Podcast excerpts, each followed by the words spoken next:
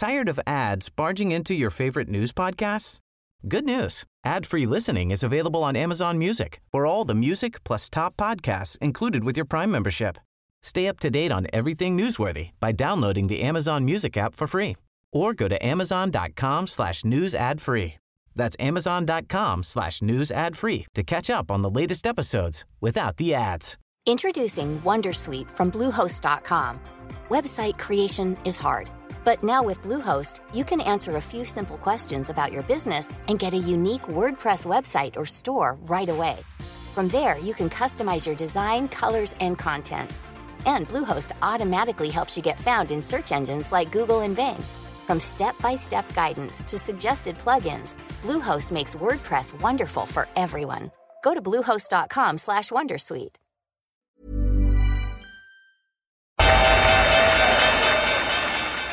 They mistook leverage for genius. Leverage for genius. I would recommend Japan.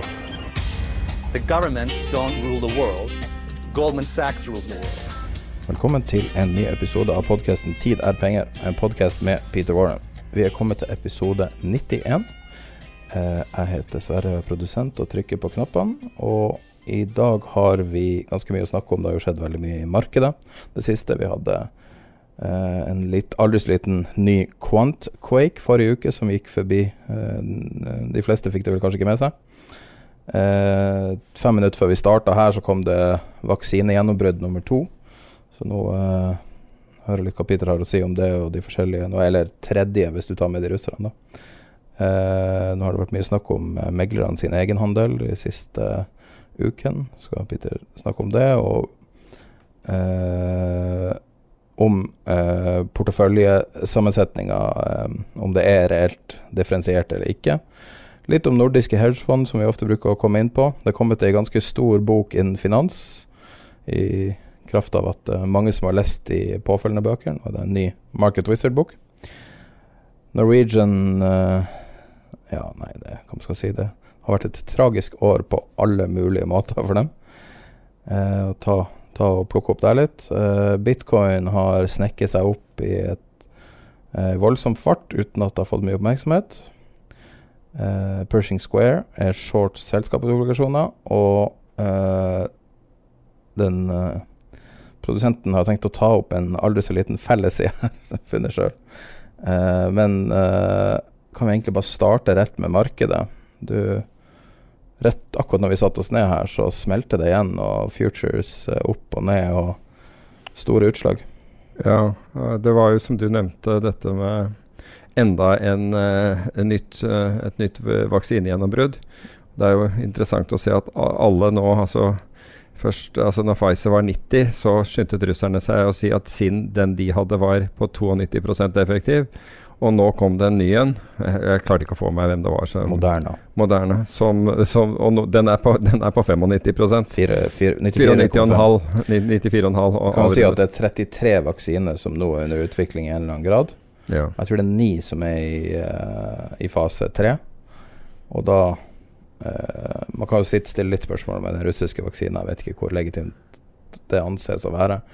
Men to vaksiner på seks måneder, eller litt mer enn det, ja. Er ganske crazy. ja Jeg tror begge bruker den samme metoden, en sånn RNA-metode. Eh, så, men uansett, det er jo Herregud, det er deilig med litt gode nyheter. Ja, ja for, for all del. Um, og det, det bør jo være gode nyheter for økonomien. Det er ikke, det er ikke så gode nyheter for, virker det som, da, for uh, vekst- og momentumselskaper. Fordi uh, mens uh, verdiselskapene har gått opp, så, så har, de, har de gjort det motsatte. Og det gjør de også etter denne nyheten i dag. Ja. Og det kan vi jo også se. Nasdaq ned, SMP opp. Ja, men igjen så går det tilbake til, og, det, og dette har vi jo i hvert fall snakket om i, i to, uh, to av de siste podkastene, det er å følge med amerikanske renter, altså særlig 30-åringen. Og 30-åringen hadde jo eh, den, den gikk faktisk så høyt som eh, Dette var vel forrige mandag, da Nei, unnskyld, det var vel tirsdag hvor nyheten kom, var det ikke det? I forrige uke? Jeg tror det var det. Um, om denne covid-vaksinen. Og da, da går amerikanske 30-åringen til 1,76. Altså Ja. 1,76 eh.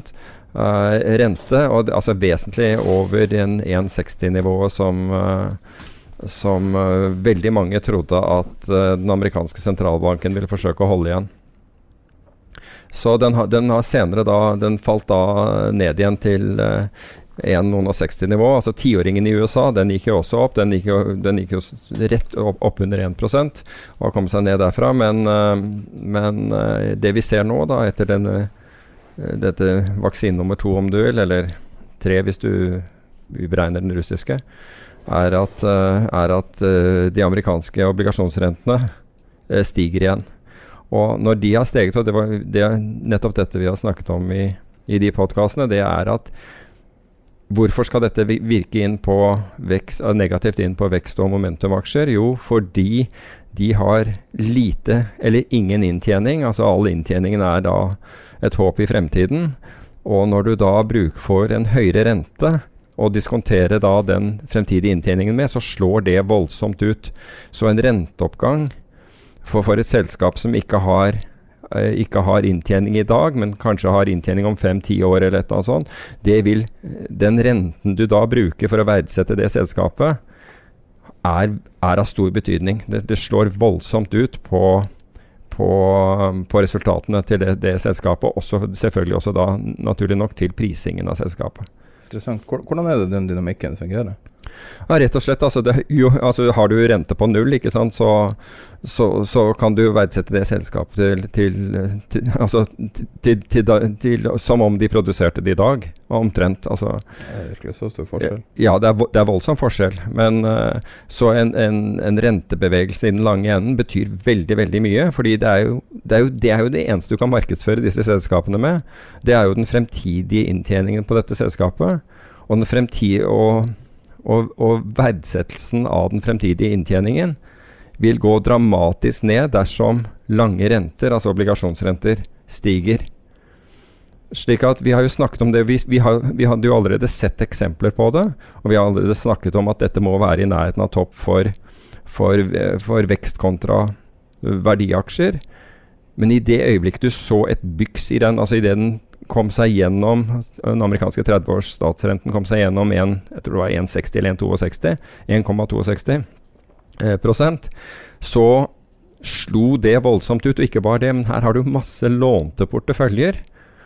Og alle de utenlandske investeringsbankene som jeg får rapporter fra, alle de, de, store kjente som jeg får rapporter fra, hadde det som hovedtema i forrige uke. Det var denne vanvittige bevegelsen det utgjorde. En av dem skrev at det var en 15 standardaviks bevegelse på, på, på en dag. Og folk ble stoppet ut, og det samme begynte da meglerforetak, utenlandske meglerforetak å, å snakke om. Hvor, at, hvordan, og dette var jo egentlig en jubeldag for de fleste, fordi da markedet steg jo voldsomt.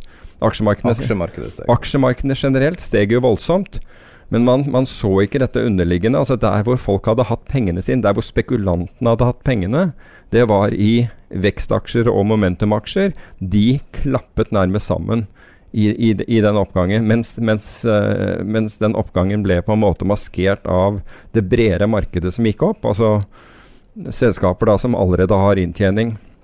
Goldman Sachs sa i en rapport som jeg fikk i dag, at det er den, den største endringen de har sett. Altså de har, de har aldri sett så mye kjøp av, av uh, verdiaksjer som de, som de erfarte, i, eh, erfarte i forrige uke. Ekstrem endring i hva forvaltere og, og markedet gjør. Så når man snakker om uh, hva som er halen og hva som er hunden, Ja. er det, altså er, er det alltid obligasjonene som måtte styre showet? Nei, ikke alltid, men, men der hvor Ledende indikator? Ja, du kan si, ja, du vil jo si at eh, renter til en viss grad Det er et mer profesjonelt marked Mm. enn aksjemarkedet. ikke sant? Fordi i, i rentemarkedet har du stort sett profesjonelle aktører. Der du har veldig lite eh, private spekulanter i, i, eh, i, i disse markedene. Uh, men derimot har du det i aksjemarkedet, og hvor har pengene vært hentet? Altså Hva er det som har vært lett å tjene penger på? Hva er det? Jo, det er såkalt momentum, som er ett ord for the even bigger fool theory. Så du bare håper at noen andre skal kjøpe det til en høyere kurs enn deg, og ingen har brydd seg egentlig om, om disse verdsettelsene er riktige eller ikke. Og Det har jo egentlig vært det samme argumentet som har vært ført øh, overfor halvparten av Eller ikke halvparten, hva var det jeg tror Robert Ness sa 92% av selskapene på, på Merkur Markets. Det fins også noen, selvfølgelig noen, noen, bra selskaper der. Men det er, det er, inntjening som man håper at skal dukke opp en eller annen gang i, i, i fremtiden, men som, hvor man legger enorm vekt på dette håpet. Man, man regner det nærmest som om ja, det, er, det er like godt som penger i banken. Og når du har en sånn situasjon, da blir du veldig følsom i forhold til Altså alle regnestykkene blir veldig følsomme i forhold til rentenivå. Så en bevegelse da i rentenivå får direkte utslag, og det, det er akkurat det vi ser i, i, dag, altså i skrivende stund. Altså Rett før vi gikk på luften her, så var SMP 500 opp 1% på denne nyheten om ytterligere en vaksine. Mens Nasdaq var ned 0, altså Nasdaq, Nå snakker jeg om futurene. Nasdaq-futuren faller 0,3. Så der slår du ut. Og hvorfor? Jo, fordi du ser at både den amerikanske tiåringen og den amerikanske 30-åringen faller i kurs, noe som betyr at renten går opp. Så noen, og det, det var jo også det som ble diskutert bl.a. av disse investeringsbankene i forrige uke, det er, det er investorer som henger etter fingertuppene i vekst for at liksom det, det, skulle komme tilbake igjen. Altså De er helt nedpå Det er hakket før de glipper. Vi, altså, de tåler ikke de tåler ikke noe mer motgang nå. Uh, og nå fikk de da motgangen i dag. Og det, uh, den gode nyheten ble for, for, dem den dårlige nyheten. For, altså, og hva er rasjonale? Jo, rasjonale er jo selvfølgelig at uh, vaksinene vil bidra til å, å, revitalisere, at vi får igangsatt økonomien. Kanskje, altså Nedstengninger kan bli kortere, økonomisk aktivitet kan komme i gang. Og hvis økonomisk aktivitet kommer i gang, så vil jo si at, så, så, håper man at det samme skal skje med inflasjon. Og hvis, hvis, du, hvis du, begynner å få en økning i inflasjon, så vil, jo, så vil, de lange rentene helt opplagt uh, gjenspeile det. Med andre ord at lange renter går opp, og lange obligasjoner derfor faller i verdi. Mm. Det er vanskelig helt å skjønne den dynamikken, fordi at dynamikken med uh, altså hvis, sånn direkte med denne nyheten så vil det jo være alt som er knytta til å jobbe hjemmefra, vil være påvirka. Eh, det har jo vært det som på en måte har redda markedet til en viss grad. Uh, det, det, at man kunne, tenker du på? Ja, altså alle som tilrettelag for det. Det var, det var, i hvert fall en av storyene for, for året. Har vært det som har, har, drevet markedet opp. Nå er det jo selvfølgelig store store subsidier på veldig kort tid som er den reelle årsaken ja, til at mye har steget. Det vil jeg argumentere for. Det ville ligget 1000 poeng lavere eller mer. Ja, nettopp. Uh, hvis uh, altså på SMP, da. Hvis vi ikke hadde hatt uh, den største stimulien på kortest mulig tid tidlig i år. Nettopp. Men når jeg ser liksom på bare noen av komponentene på, på Nasdaq, så er f.eks. Apple ned 0,5 mm. Og de har jo masse gjeld bare litt sånn teknisk hjelp, på en måte. Mm. Uh, men så har du Nicola opp, sånn at uh, Jeg vet ikke helt Altså, det, det, er clear as mud, på en måte, hvis du skjønner hva jeg mener. Jeg skjønner hva du mener i praksis, ja. mm. men tror du, dem, altså, tror du sånne sånn diskontering kommer inn så fort i prisinga? Ja, jeg tror det fordi, fordi det er the even bigger full theory som har liksom dratt dette her. Folk har dratt dette. Og det har man jo snakket om og vært åpen om, at dette har vært strukket ekstremt. Um, men så går det jo tilbake til en, en faktor som vi skal komme uh, inn på senere. Altså den derre Tina-faktoren. Altså there is no other alternative. Slik at folk er i aksjer fordi de er tvunget inn i aksjer. Og så skal man Og så har sentralbankene ligget der hele tiden og beskyttet deg mot, mot, tap. Altså den generelle investor, vi vet jo, vi skal komme tilbake igjen til at alle ikke er beskyttet mot tap. Norwegian er et godt eksempel på det, uh, dessverre. Uh, men jeg tror at Og det har gjort at Altså det at du ikke tror at nedsiden er reell, og det tror ikke investorer. Altså uansett nesten hvem du, hvem du spør, så svarer de at ja, men sentralbankene altså, Og de, definitivt de som er kommet inn i markedet etter finanskrisen, og det er tross alt en periode på tolv år nå, tror ikke, har ikke opplevd eh, nedganger, tror ikke egentlig at det, det er. Og ve veldig mange av de som har vært der også tidligere, så de fikk med seg finanskrisen, tror at det er en materiell endring. Og det er store investorer som mener at det er så materielt at sentralbanken de vil aldri tørre å slippe markedet. De vil aldri tørre å slippe dette markedet ned. Når det er sagt, så gjorde de det for tre eller fire år siden, eller hva det var, når vi så en ordentlig pairback av, av alle tiltakene. Nei. En veldig kort periode. Ja, én sentralbank gjorde det, ikke sant? Altså Fed gjorde det. Jo, men den Fed, det som Fed det som Fed gjorde der, det ble mer enn kompensert av de andre sentralbankene, deriblant Kina, Australia, Storbritannia, Sveits. Sverige blir en liten spiller i dette, men, men, eh, men ECB uh, er, er en stor en. Japan. Alle disse, de, de på en måte uh, tok inn slakken fra, fra, fra den, og det var jo årsaken at du egentlig ikke så større effekt i det. Jeg vet ikke. Jeg, vet, jeg, jeg kan jo ikke si at jeg tror at sentralbankene på et eller annet Altså sent, at sentralbankene generelt verden over sier at nå får dere klare dere selv til investorene, det tviler jeg sterkt på. Altså jeg, det har jeg også virkelig vondt for å En coordinated effort med, med å si det. Altså Hadde de gjort det, så hadde markedene antageligvis halvert seg raskere enn noen gang tidligere i, i historien. Det hadde vært et resultat av det. Og, og det tror jeg ikke Det ville skape kaos. Det tror jeg ikke vil, vil skje. Men problemet med markedet er at vi har ikke en, vi har ikke en enkel event som kan snu alt. Vi har, det finnes ikke vaksine for det her. Liksom. Nei. Og, Men det vi, det vi Altså med mindre vi skal vi, vi tror at Einstein var, var på villspor da han sa at liksom galskap er å gjenta noe som ikke virker. Altså fortsette å gjenta noe som ikke, ikke virker i håp om at du skal få et annet utfall. For det er jo det i realiteten vi har da gjort siden 2008. Vi har bare fortsatt og fortsatt og fortsatt, og så har vi akselerert det voldsomt i år. ikke sant? Med, med økt da stimuliene ekstremt i år. Men hva med da Altså jeg, jeg håper jo, men jeg har jo ikke noe, noe, noe grunn mer enn noen annen til å mene om dette, men at Biden skal se på dette med nye øyne og si at ok, stimuli er nødvendig. Kanskje vi Fordi jeg tror ikke stimuliene blir borte. Kanskje vi skal se på det på en annen måte, fordi alt vi gjør nå, er å øke velstandsgapet. Vi gjør de rike rikere, og de fattigere fattigere. Skal vi, skal vi nå omfordele dette? Skal vi, skal vi gi penger til de som trenger det, direkte? Gi penger til de som, de som trenger det? Skal vi kjøre dette inn mot infrastruktur istedenfor at vi booster finansmarkedene til, en, enhver tid og presser ned obligasjonsrenter og gjør det på, på den måten? Og så skal, er, er, det, er tiden kommet for å faktisk forsøke Ok, la oss si vi skal fortsette å anvende midlene. Kanskje ikke i samme tempo pga. underskuddet på uh, Altså og gjeldsøkningen til, til, til disse landene som er mest aktive her. Men skal vi skal vi fortsette akkurat som vi har gjort, eller skal vi faktisk forsøke et nytt tiltak her? Og jeg håper jo at man skal Altså, det vil jo være positivt også for aksjemarkedene.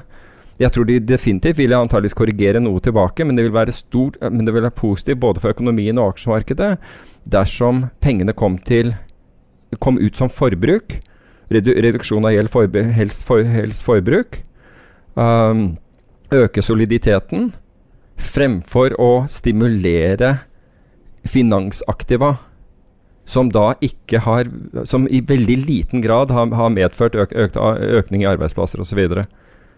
Men har, har bidratt til eh, ukultur, kan du gjerne kalle det, eh, i form av at man har kjøpt tilbake Altså brukt, brukt disse midlene, altså billige midler, til å kjøpe tilbake egne aksjer og manipulere, manipulert på en måte uh, resultater på den måten. Man har vel aldri fått testa kostnaden av å ikke ha moral hazard i markedet. Reell, altså virkelig. Nei, og jeg, jeg, Og det er jo det vi er midt i nå, at det er ingen kostnader for å manipulere. Det er bare å manipulere med alle tenkelige måter. F.eks. tilbakekjøpe aksjer. Bruk alle pengene. ja, 98% av American Airlines sitt overskudd gikk til å kjøpe, til, kjøpe aksjer tilbake. nettopp. Det er jo nesten en pyramidesvindel arrangert av eh, CEO-en, som har direkte bonus knytta til aksjekursen. Nettopp. Ja. Det er, det, er, det er utrolig, men jeg bare håper at noen nå vil se på dette med nye øyne og si at hør her, vi er nødt til å Fordi Man får en president som har sittet i, i Altså vært politisk ledelse, altså Ja. han har sittet i Senatet siden 60-tallet. Ja? Så han, han er jo så old school som det går an å være på mange måter. Så. Fra mitt perspektiv og fra mange sitt perspektiv så tror jeg liksom det der å, å slippe å høre fra en, en eh, amerikansk politiker så ofte hadde vært litt behagelig. Helt sikkert. Og jeg lurer på om markedet også får ned stressnivået litt, grann, bare. Jeg tror at alle kommer til å produsere mindre kortisol hvis det ikke hagler med, med, med Twitter-meldinger klokka fire og fem på natta. Altså. Ja. Det er fall mindre mulighet for å få sjokk. Uansett hvordan altså sjokk, markedssjokk. Ja, nettopp. Uansett hvordan politisk uh, helning man har, så, så er det når man har en, en, en sånn eh, måte Ja, trenger ikke å snakke politikk. Jeg kjenner at jeg glir inn i politikk. Ja, kan- men, men du det er si så mye politikk i alle mulige kanaler nå, så kanskje vi burde Men jeg håper jo i hvert fall at, at dette gir en anledning til å se på dette med, med nye øyne. For vi kan ikke fortsette det vi, vi driver med, fordi det gjør bare at du får enda høyere verdsettelser og et enda større velstandsgap. Og det kan ikke være målsetningen. Og det er i hvert fall ikke til en, en, en president som sier at han er presidenten til alle amerikanere. Uansett, uh, uansett parti og uansett uh, inntekter. Det, altså, man må jo se på tallene og se hva dette har, har ført til. Hva har man oppnådd til nå? Man, noen må jo kunne si at la oss kikke på dette med nye øyne og se om vi kan, kan oppnå hva vi kan oppnå med de, med de midlene vi har til, har til rådighet. Fordi mer stimuli, det, det tror jeg Altså jeg, jeg kan ikke, rett og slett ikke se for meg at man ikke stimulerer ytterligere. Det, det kan jeg ikke se for meg. Nei, det har jo pågått siden 2008, så det fortsetter vel bare. Eh, det som skjedde i forrige uke, som veldig få kanskje fikk med seg, med mindre du drev et eh, kvantitativt fond, var at gode vaksinenyheter og en ekstrem eh, bevegelse i etterkant ikke nødvendigvis er godt nytt. Ehm, jeg bare gikk kjapt gjennom uh, Dow Jones, som har lang historie, og forutsigbar lang historie. Og hvis du ser på de 20 største bevegelsene oppover på enkeltdager, uh, så inneholder alle dem uh, et, en tidsperiode i full krise, enten en finanskrise, en krig, eller Nå er vi jo for så vidt i en krise nå, men ikke nødvendigvis i en finanskrise. Eh, Nesten tvert imot. Ja. Og, og det var Den største dagen noensinne var i 33. Da hadde du 15% dag opp, og så har du masse fra den perioden.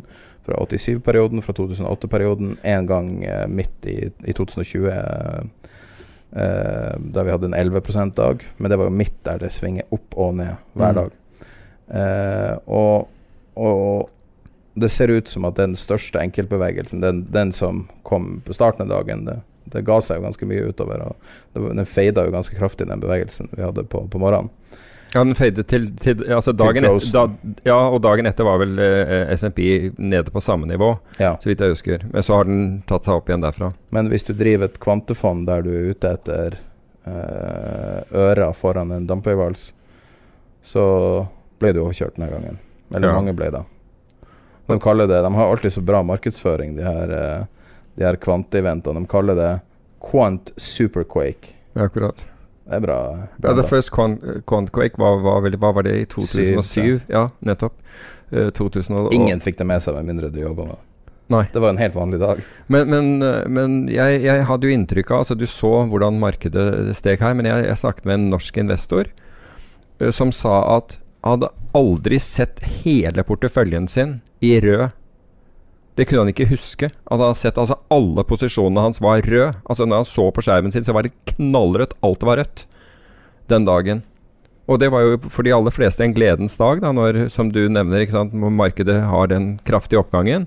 Men det igjen betegner hva, hvilke type aksjer investorene har vært i. Altså Hvis du var indeksinvestor i de aller fleste indekser, så gjorde du altså Oslo Børs f.eks., SMP 500 den dagen over, over 4% opp, så gjorde du det bra. Jeg må innrømme for egen del, altså det, det, det, var den der kulen som passerte ufattelig nære, som du ikke ble truffet av. Du bare tenker 'Å, der var jeg heldig'. For som, som eh, likviditetsprovider, ikke sant, så er jeg kjøper under markedet, selger over markedet. og vi, Heldigvis så var intra da altså Volatiliteten opp og ned, den gikk ikke i én rett strek, men, men det korrigerte og gikk opp. altså Selv om det bare varte sekunder av og til. Det gjorde at, eh, at jeg klarte å få ting tilbake igjen og, og, og, og trøyde det. Men det der skulle vært en dag hvor jeg normalt sett Og den var veldig merkelig. Uh, for først skyter SMP-en. Um, og jeg klarer å tjene penger i den. Og så hadde jeg også en selgerordre i, eh, i Eurostox. Og den var ikke i nærheten av å komme opp til den selgekursen min, så jeg bryr meg egentlig ikke om den. Fordi på dette tidspunktet så er SMP på vei ned igjen, og så plutselig så ser jeg at jeg, at jeg selger Eurostox-indeksen. Og når jeg skifter skjerm for å se hva, hvor markedet er nå, så er den ti poeng over der hvor jeg akkurat har solgt. Altså på et sekund så, så Det var sånn Den sto stille lenge. Altså, og nå snakker vi ikke om bare sekunder eller mikrosekunder eller noe sånt, nå, men den sto stille i minutter mens SMP gikk, og så plutselig Altså, den steg, men det var ikke i nærheten. Og så gikk den helt ape, altså til, til oppsiden. Og jeg liksom jobbet rundt den posisjonen osv., og, så videre, og så Deretter så var det gull som falt. Og så, uh, så fall, faller gull først uh, i løpet av 15 minutter, og så braker den ned i, i, i, neste periode. Så det var Og de var store bevegelser. Altså bare for å illustrere den dagen hvor Trump kommer ut av sykehuset uh, høy på, på steroider hvor han stanser forhandlingene med demokratene om stimulipakken. Da faller eh, SMP 64 poeng på, på, på, 15 minutter. Og det var en kjempebevegelse, bare så det er sagt. Her, på, her steg SMP 96 og en kvart poeng på tilsvarende periode. Så det, er, det vi ser her, er en voldsom bevegelse. Eh, det var en, en som heter John Quigley, som um driver et kvantefond i, eh, på eh, Altså forvalter 3,9 milliarder dollar. Og han sendte en, et notis ut til sine kunder for å prøve å kvantifisere hvor sjelden denne bevegelsen er i et vanlig marked. Um, og han sa at sjansen for at her, en sånn her dag skal skje på en tilfeldig dag, er uh, et say, uh, jeg må bare si det på engelsk her. Required a 16 digit number followed by 63 zeros. Akkurat. Det, uh, ikke, eh, de skri, det er Bloomberg som omtaler det, da. Så det er et astronomisk tall. Ja, altså jeg så en av, av disse investeringsbankene nevne 15 standardavvik, og den andre nevnte 13,7. Men nå må vi Når du kommer over en 3-4 standardavvik, så er jo sjansen så minimal. Ja, altså du kan si 3, 3 standardavvik. Da har du, mindre, da har du liksom en, en mindre enn en 1 sannsynlighet for at det skal skje i løpet av en dag. Så du kan da tenke deg, hvis du da har en 15% Unnskyld, 15 standardavviks bevegelse, det skal ikke skje i vår levetid og alt det der greiene der. Men, øh, men dette er Men det de ser på der, det de måler, det er forskjellen mellom vekstaksjer og verdiaksjer. Bare så, bare så det er klart. Altså vekst, eh, og verdiaksjer, altså selskaper med inntjening. Det er det de ser på. Altså den endringen. De ser ikke, bare på, de ser ikke på vekstaksjenes fall, men de ser vekstaksjene i forhold til verdiaksjer. fordi det som har skjedd, er at folk har vært short verdiaksjer, long vekst- og momentumaksjer. Det har liksom vært tema nå i, i flere år, og, og blitt forsterket bl.a. gjennom Robin Hood, som vi har snakket om. Hele tiden der. Det går jo, og han uh, Davy Daytrader, ikke sant. Det, alt går i momentumvekst, ikke sant. Altså, det er klart at når du kjøper Når du går på lufta og sier at du har, akkurat har kjøpt en eller anbefaler en eller annen microcap-aksje, og to millioner følgere kaster seg inn i den aksjen, og så sier du jøss, den, jeg hadde rett, den steg. Ja, no shit, Sherlock, stiger den?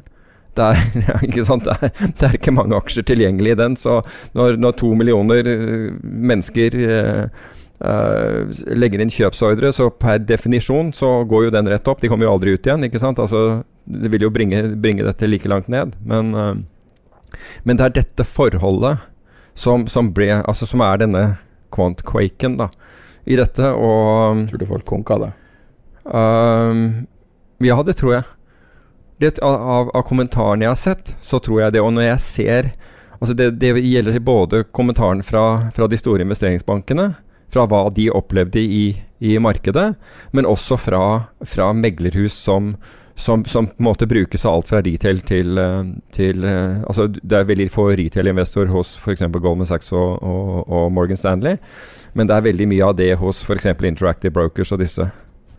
Så, så, så, det er helt opplagt at, at her ser man her ser du på sjøen, og så, du vet ikke hva som er under overflaten. og og jeg har, jeg har, ikke sett noen egentlig komment... Jo, jeg tror det ble kommentert noe om dette Uh, jeg tror det noen dager et etterpå ble kommentert noe om dette i, uh, i, i, Dagens Næringsliv. Så jeg tror faktisk det har vært kommentert her. Eh, hvorvidt det har vært kommentert i, i uh, norske meglerrapporter, det vet jeg ikke.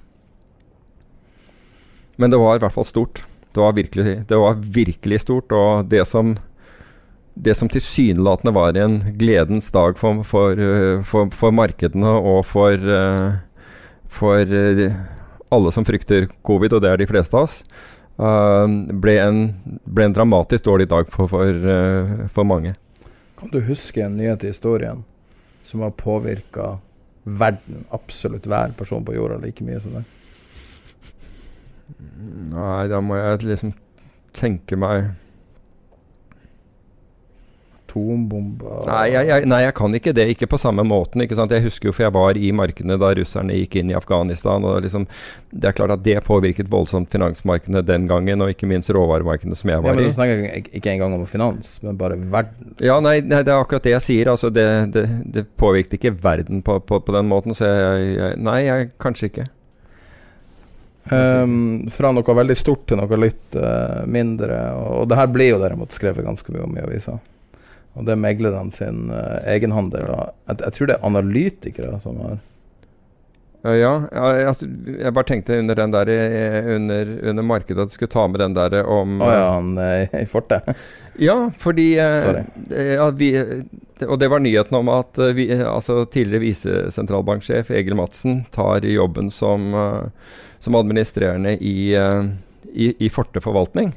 Unnskyld, i, ja, Forte Finans eller Forte meglerforetak, jeg er ikke sikker. Uh, og så jeg tenkte at uh, Jeg nevnte dette for, uh, for en jeg, jeg, kjenner som da som er investor og, og, og, har også jobbet i, i, finans. Og så sier jeg det der, det var godt gjort av, av, av Forte å, å, få inn, å få inn han en solid fyr fra, fra, fra, sentralbanken. Men da svarer hun tvert at liksom er, er det er, er det positivt?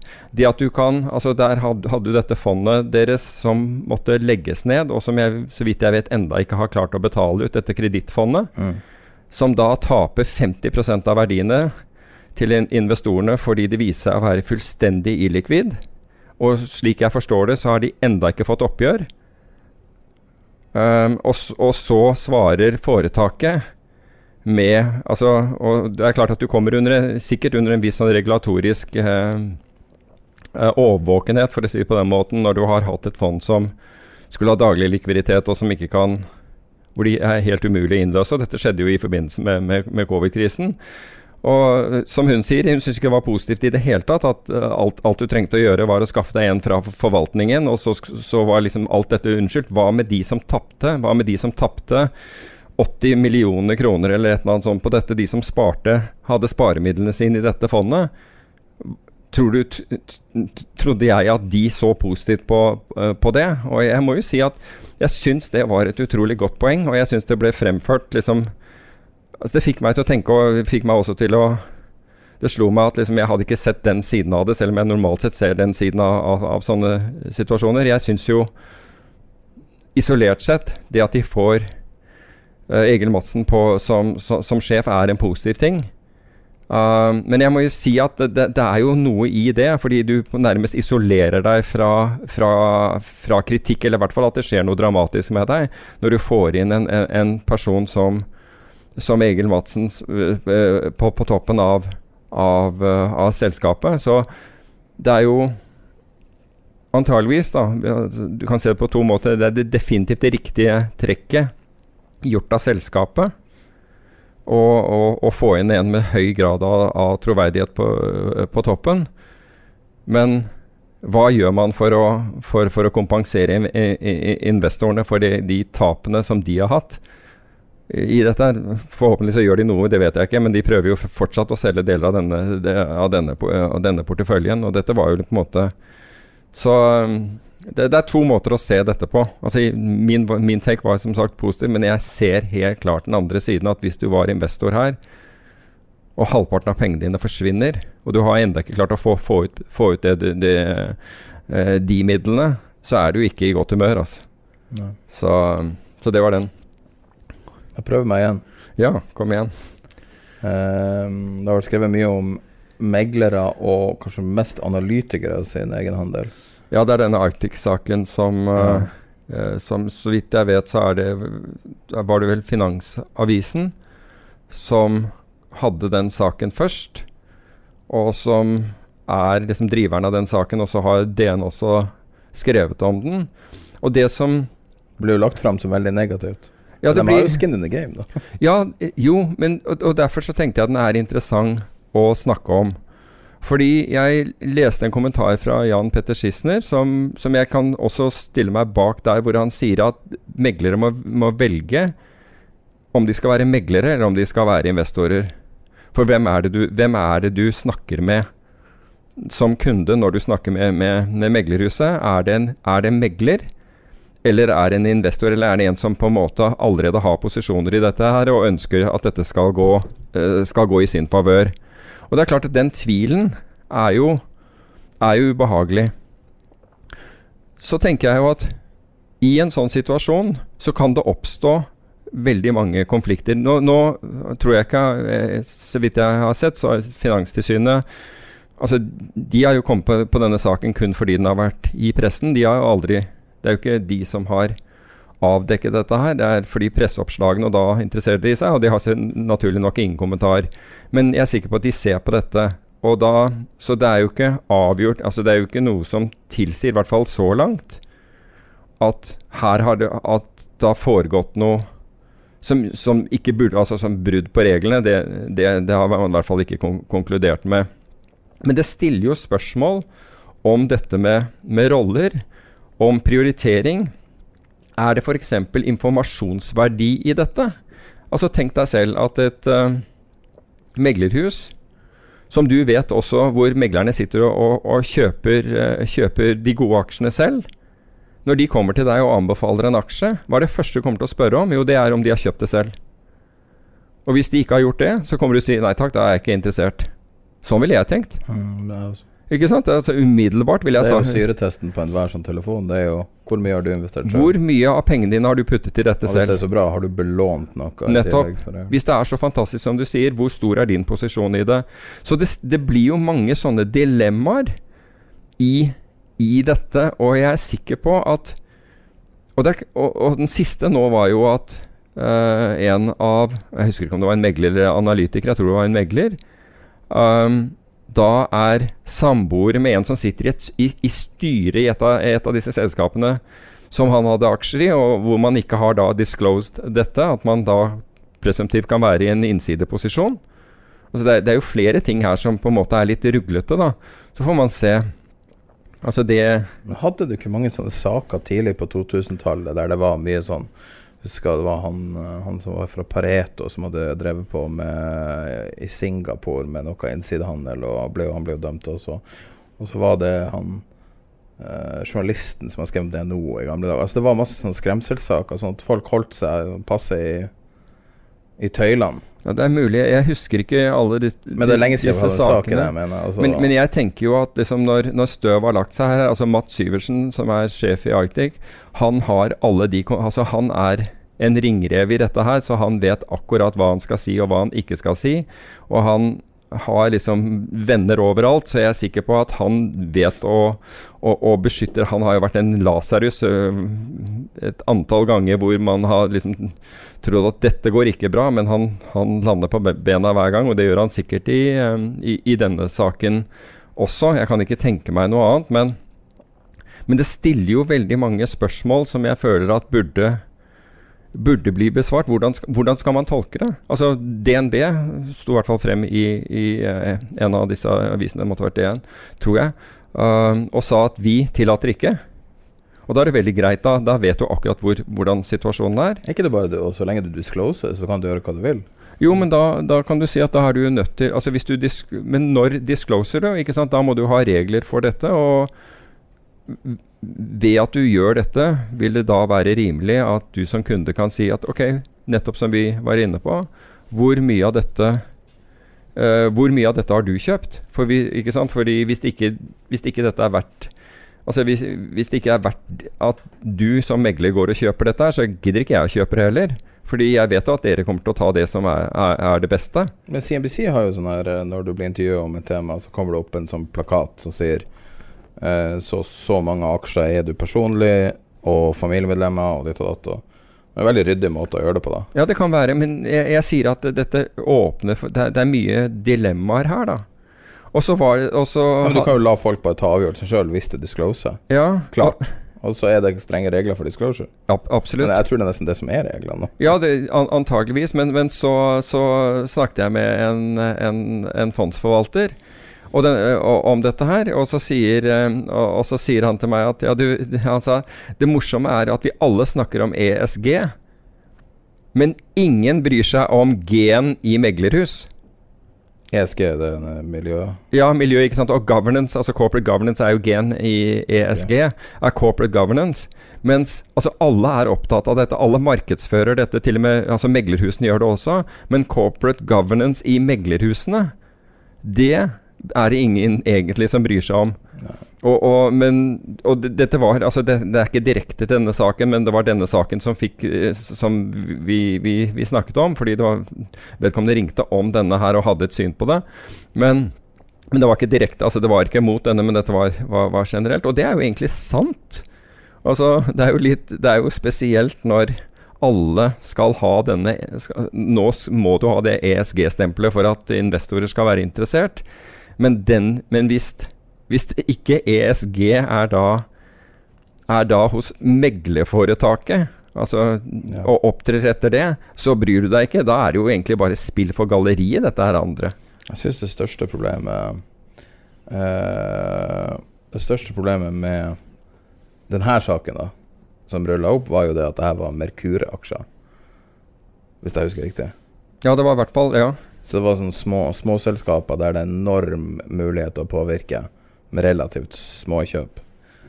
Og her hadde jo tre meglere fått, eh, fått seg posisjon på 190 millioner kroner. Jesus. 190 millioner Ja. kroner. Så neste gang en eller annen sier til deg at du overdriver hva meglere tjener, så, så tenker jeg at, at den her kan godt Nå er jo sikkert det vært kursutviklingen, altså det er verdien i dag. De har sikkert eller go, god mulighet til at de har klart å komme seg inn på en veldig gunstig kurs. Men allikevel, tre meglere eide aksjer i ett selskap for 190 millioner kroner. Ja, det er litt avhengig av hva som står før megler, tror jeg, hvor mye du tjener. Ja, Hva, hva du megler. Ja, det er riktig. Helt opp. Aksjemeglere tjener vel ikke så all verdens Ja, dette var jo aksjemeglere. 190 Dette var, ja. okay. Så, um, så du kan si det var, det var betydelig, da. Så Men det er jo selvfølgelig en, mer en prinsippsak enn noe annet. Ja, Men, eh, nei, det, er, altså, det, er, det kan jo også være en regulatorisk sak, men som sagt, jeg tror at der tror jeg Maat Syversen klarer å, å navigere dette vannet. Uh, slik at, at det, det neppe blir noe ut av, ut av det. Men, men jeg tenker at det, det reiser en del spørsmål. Og som man egentlig burde være opptatt av som investor også. Hva, hva man kunne der, så ville jeg definitivt Ok, dere sitter alle og, og, og kjøper av disse her aksjene. Det er en aksje altså, Da vil jeg gjerne være med på det, det løpet dere kjøper. Men Altså Når- copy trading, meglere. Ja, rett, rett og slett. Men når dette skal se Ja, fordi du regner med at de er godt informert.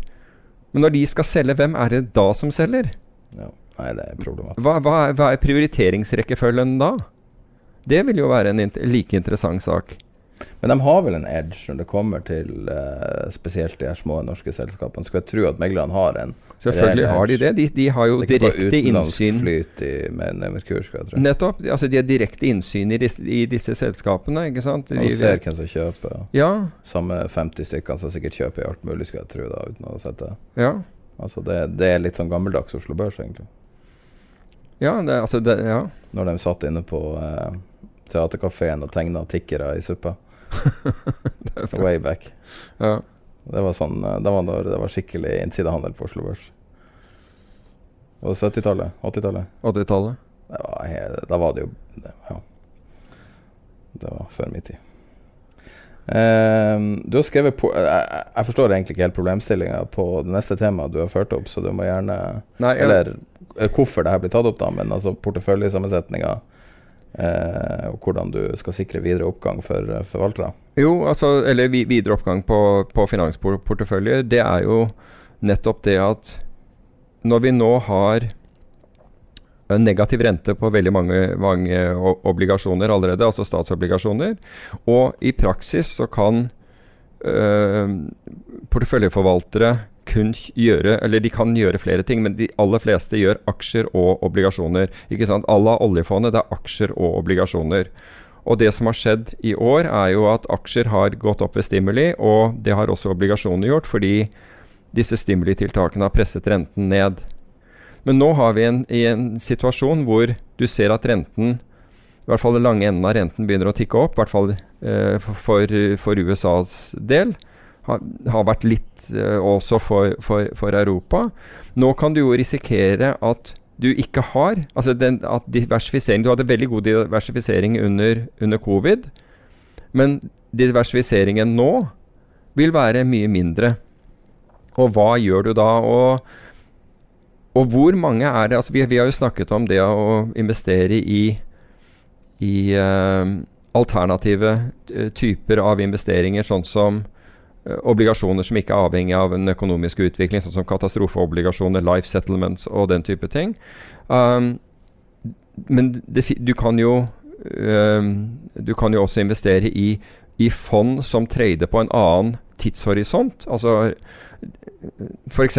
hvis du kjøper deg fire norske aksjefond Altså sånn off the shelf norske aksjefond, så kan du ikke forvente at de diversifiserer eh, eh, de diversifiserer deg mot en nedgang i det norske aksjemarkedet. Har du noen gang kunnet gjort det, da? Eh, Hva tenker du på? Har du noen gang kunnet tenkt at det var Nei, nei, jeg er helt enig. Nei, nei, du, kan, du kan ikke det, men det er, det er fortsatt folk som, som tror at de er diversifisert ved at de har, eh, de har DNBs fond, Nordeas fond og, og, og, og, to andre fond som, e som egentlig gjør akkurat det samme. Og så blir de overrasket når, eh, når korrelasjonen går mot én eh, ved en nedgang. Men for, for at du skal kunne gjøre noe altså nå, Jeg må jo si at mange av, av eh, de nordiske hedgefondene har gjort det veldig bra i år. Og har faktisk gitt deg reell diversifisering. Det fins en rekke svenske som har gitt deg god diversifisering, og noen norske har også, har, har også gjort det. Og, men hele tiden har man blitt pushet vekk fra den type investeringer, altså de regulatoriske myndighetene. Og det, det gjør jo at det er mye vanskeligere for, val- for forvalterne av porteføljer. Du, du må jo være Du skal være ganske sterk i ryggrad hvis du sier 'vet du hva', Uh, jeg tror ikke på denne kombinasjonen, eller denne kombinasjonen er, er ganske utsatt nå. Vi bør gjøre noe annet med en del av, av porteføljen vår. Det man isteden sier, er at vi, uh, ok, men de andre kommer også til å tape. uh, så det er ikke så farlig da, så lenge alle andre taper. Så og, hvis ikke jeg taper mer enn de andre, så, så blir jeg tilgitt. Men nødvendigheten og viktigheten av å tenke diversifisering nå, prøve å finne alternative inntektsstrømmer, den er ganske høy, opplever jeg nå. Spesielt for, med, med tanke på det vi ser i, eh, i eh, det lange rentemarkedet.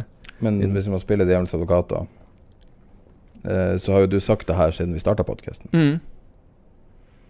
Logic har tjent penger i den veien, Deepfield har tjent penger, Universet har tjent penger. Altså en hel haug har tjent penger hele veien gjennom her, og gitt deg diversifisering. Brummer Multistrategy, for den saks skyld. Men altså. ingen som hører på podkasten, har tilgang til de hedgefondene. Uh, jo da. Jo Deepfield, det, definitivt. Uh, Logica vet jeg ikke, for jeg vet ikke hva Universa nei, fordi det er altfor høy minimumsandel. Brummer-systemet, er, eh, som er svensk, eh, og underlagt svenske finansinspeksjonen, de er, der er det jo uh, liten eh, Jeg husker ikke hva nettotegning eh, Altså minste nettotegning er der, men det, det, det er ikke noe spesielt høyt, det. Så, så man har faktisk det. Ok, interessant. Men, men du ser veldig lite av det. Men jeg tror du ser der hvor det er eh, Hvor noen av de, de store uavhengige rådgiverne er inne i bildet. Og du ser på, på, på porteføljen til noen av de kundene, så tror jeg det er definitivt at, eh, at eh, den, type, den type diversifisering blir brukt. Så Hvis du ser på Hedge Nordic-tallene for den siste perioden nå, ja, altså har ikke det kommet noen nye tall nå? Nei, men altså, vi, har fått for, har fått for oktober. Og det, det første Det er egentlig to ting å si om, om, om det med, med oktober.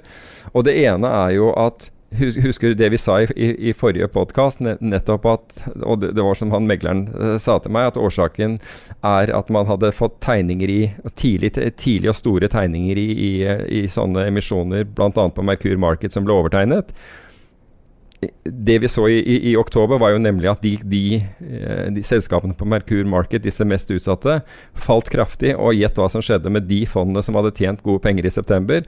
De tapte penger akkurat i oktober. Altså. Til tross for at andre ting gikk bra, så tapte de. Så det var nok akkurat som det han megleren sa. Det var at man hadde fått anledning til å tegne seg i i emisjoner som var, var, veldig populære, og hadde da tegnet høyt fordi de visste at det var veldig, veldig populære. Den som uh, made a bounce back Det er Quantfuel du snakker om nå, eller?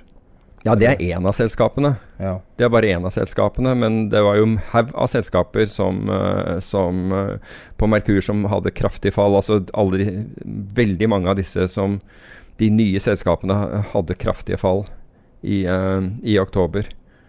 Uh, den som reiste Artig å se på den lista. her jeg, jeg, må si at det er ekstremt mange jeg ikke har hørt om. En og annen som blir omtalt i media, men ja. det er veldig vanskelig Det må være veldig vanskelig miljø og, eller eh, økosystem å navigere som investor. Ja. I forhold til å få nok informasjon for å kunne handle. Men, men det ligger også i, i Merkur Markets holdt på å si natur. Det er at du får mindre informasjon om dem. Det er jo også, dette er en dette er ikke en børs ikke sant? Det er, eh, det er, det er en trading facility, ikke sant. Uh, så, så, det er en markedsplass uh, som har lavere informasjonskrav enn om det var på Oslo Børs. Og det, det, det, fremkommer, Hvis du ser på Oslo Børs sine sider, så fremkommer nøyaktig hva forskjellen er. Og vi, vi listet opp forskjellene her i uh, en podkast om det var forrige to, eller to, ja, to-tre to, ganger siden. Slik at det er en forskjell. Så Altså Investorer burde jo egentlig aldri risikere penger uten å, å, å vite hva vite hvordan markedene fungerer og, og sånt. Og jeg håper at, at man, man, ikke gjør det, men det virket jo Det ble jo det motsatte en periode, for da skulle man inn i alt som var nytt på Merkur Markets, og da begynte jo vi å se at selskapene falt 20% på første noteringsdag og 25% på første noteringsdag og, og den type ting. Da vet du at ting ikke er så, er så bra. Men i hvert fall så de bare den, Jeg ser bare på den beste performeren, da. Som jeg aldri har hørt om før nå. Norcod. No, altså mm. Jeg med det fisk. ja, det høres veldig, veldig fisk ut. De omsetter for 6,9 millioner i kvartalet. Altså det er jo enormt små summer til å være et børsnotert selskap. Ja, nå er det ikke børsnotert, de er på en MTF. Ja, det er akkurat MTF. Um, så, så det, er, det, er, det, er, forskjell. Men det er så små summer, og så tenker jeg at, at de står i samme Ja, i samme på en måte Altså står ved siden av Statoil, eller står ved siden av Equinor da, ja. på skjermen, og, og, det er det som er at uh, det er vanskelig. Man, man, ser seg litt blind på Ja, på det her, tror jeg, og Nei, det er risikoen bare Det er bare det er så åpenbart at men, men, samtidig som det fikk altså som det, Merkur fikk negativ oppmerksomhet, altså fordi eh, de nye selskapene falt umiddelbart eh, når de ble, ble, notert, så hadde jeg inntrykk av at mange investorer, og for så vidt meglere, slapp Merkur Markets-selskaper eh, som, som, om det var varme poteter i holdt. altså. Um, det, du har ikke sett mye om disse uh, og, og, og, mye Merkur kjørt i, i, i, pressen i det siste. Nei, det er ikke det. Så, tror du det var plasserte saker, det som var tidligere? Der det var mye sånn I mangel på et bedre ord hausing av uh, At det var hausing, det er jo utvilsomt at det var i det. Men altså, om man har organisert plassert uh, saker, det, det, aner jeg ikke. Um, det som uh, en ting som var uh, interessant å se, apropos oktoberresultatene, da, det var dette Polar Multi-Asset som, uh, som, var opp, opp 8 Det var det som liksom virkelig dro i gang. Det var igjen disse DNB-folkene. Uh, de, de, hadde en sånn fantastisk introduksjon til, til på, på, Hedge Nordic, og så falt de kraftig. Og nå er, slik at de lå i minus for året, til tross for at de var opp 20% liksom den, den første måneden.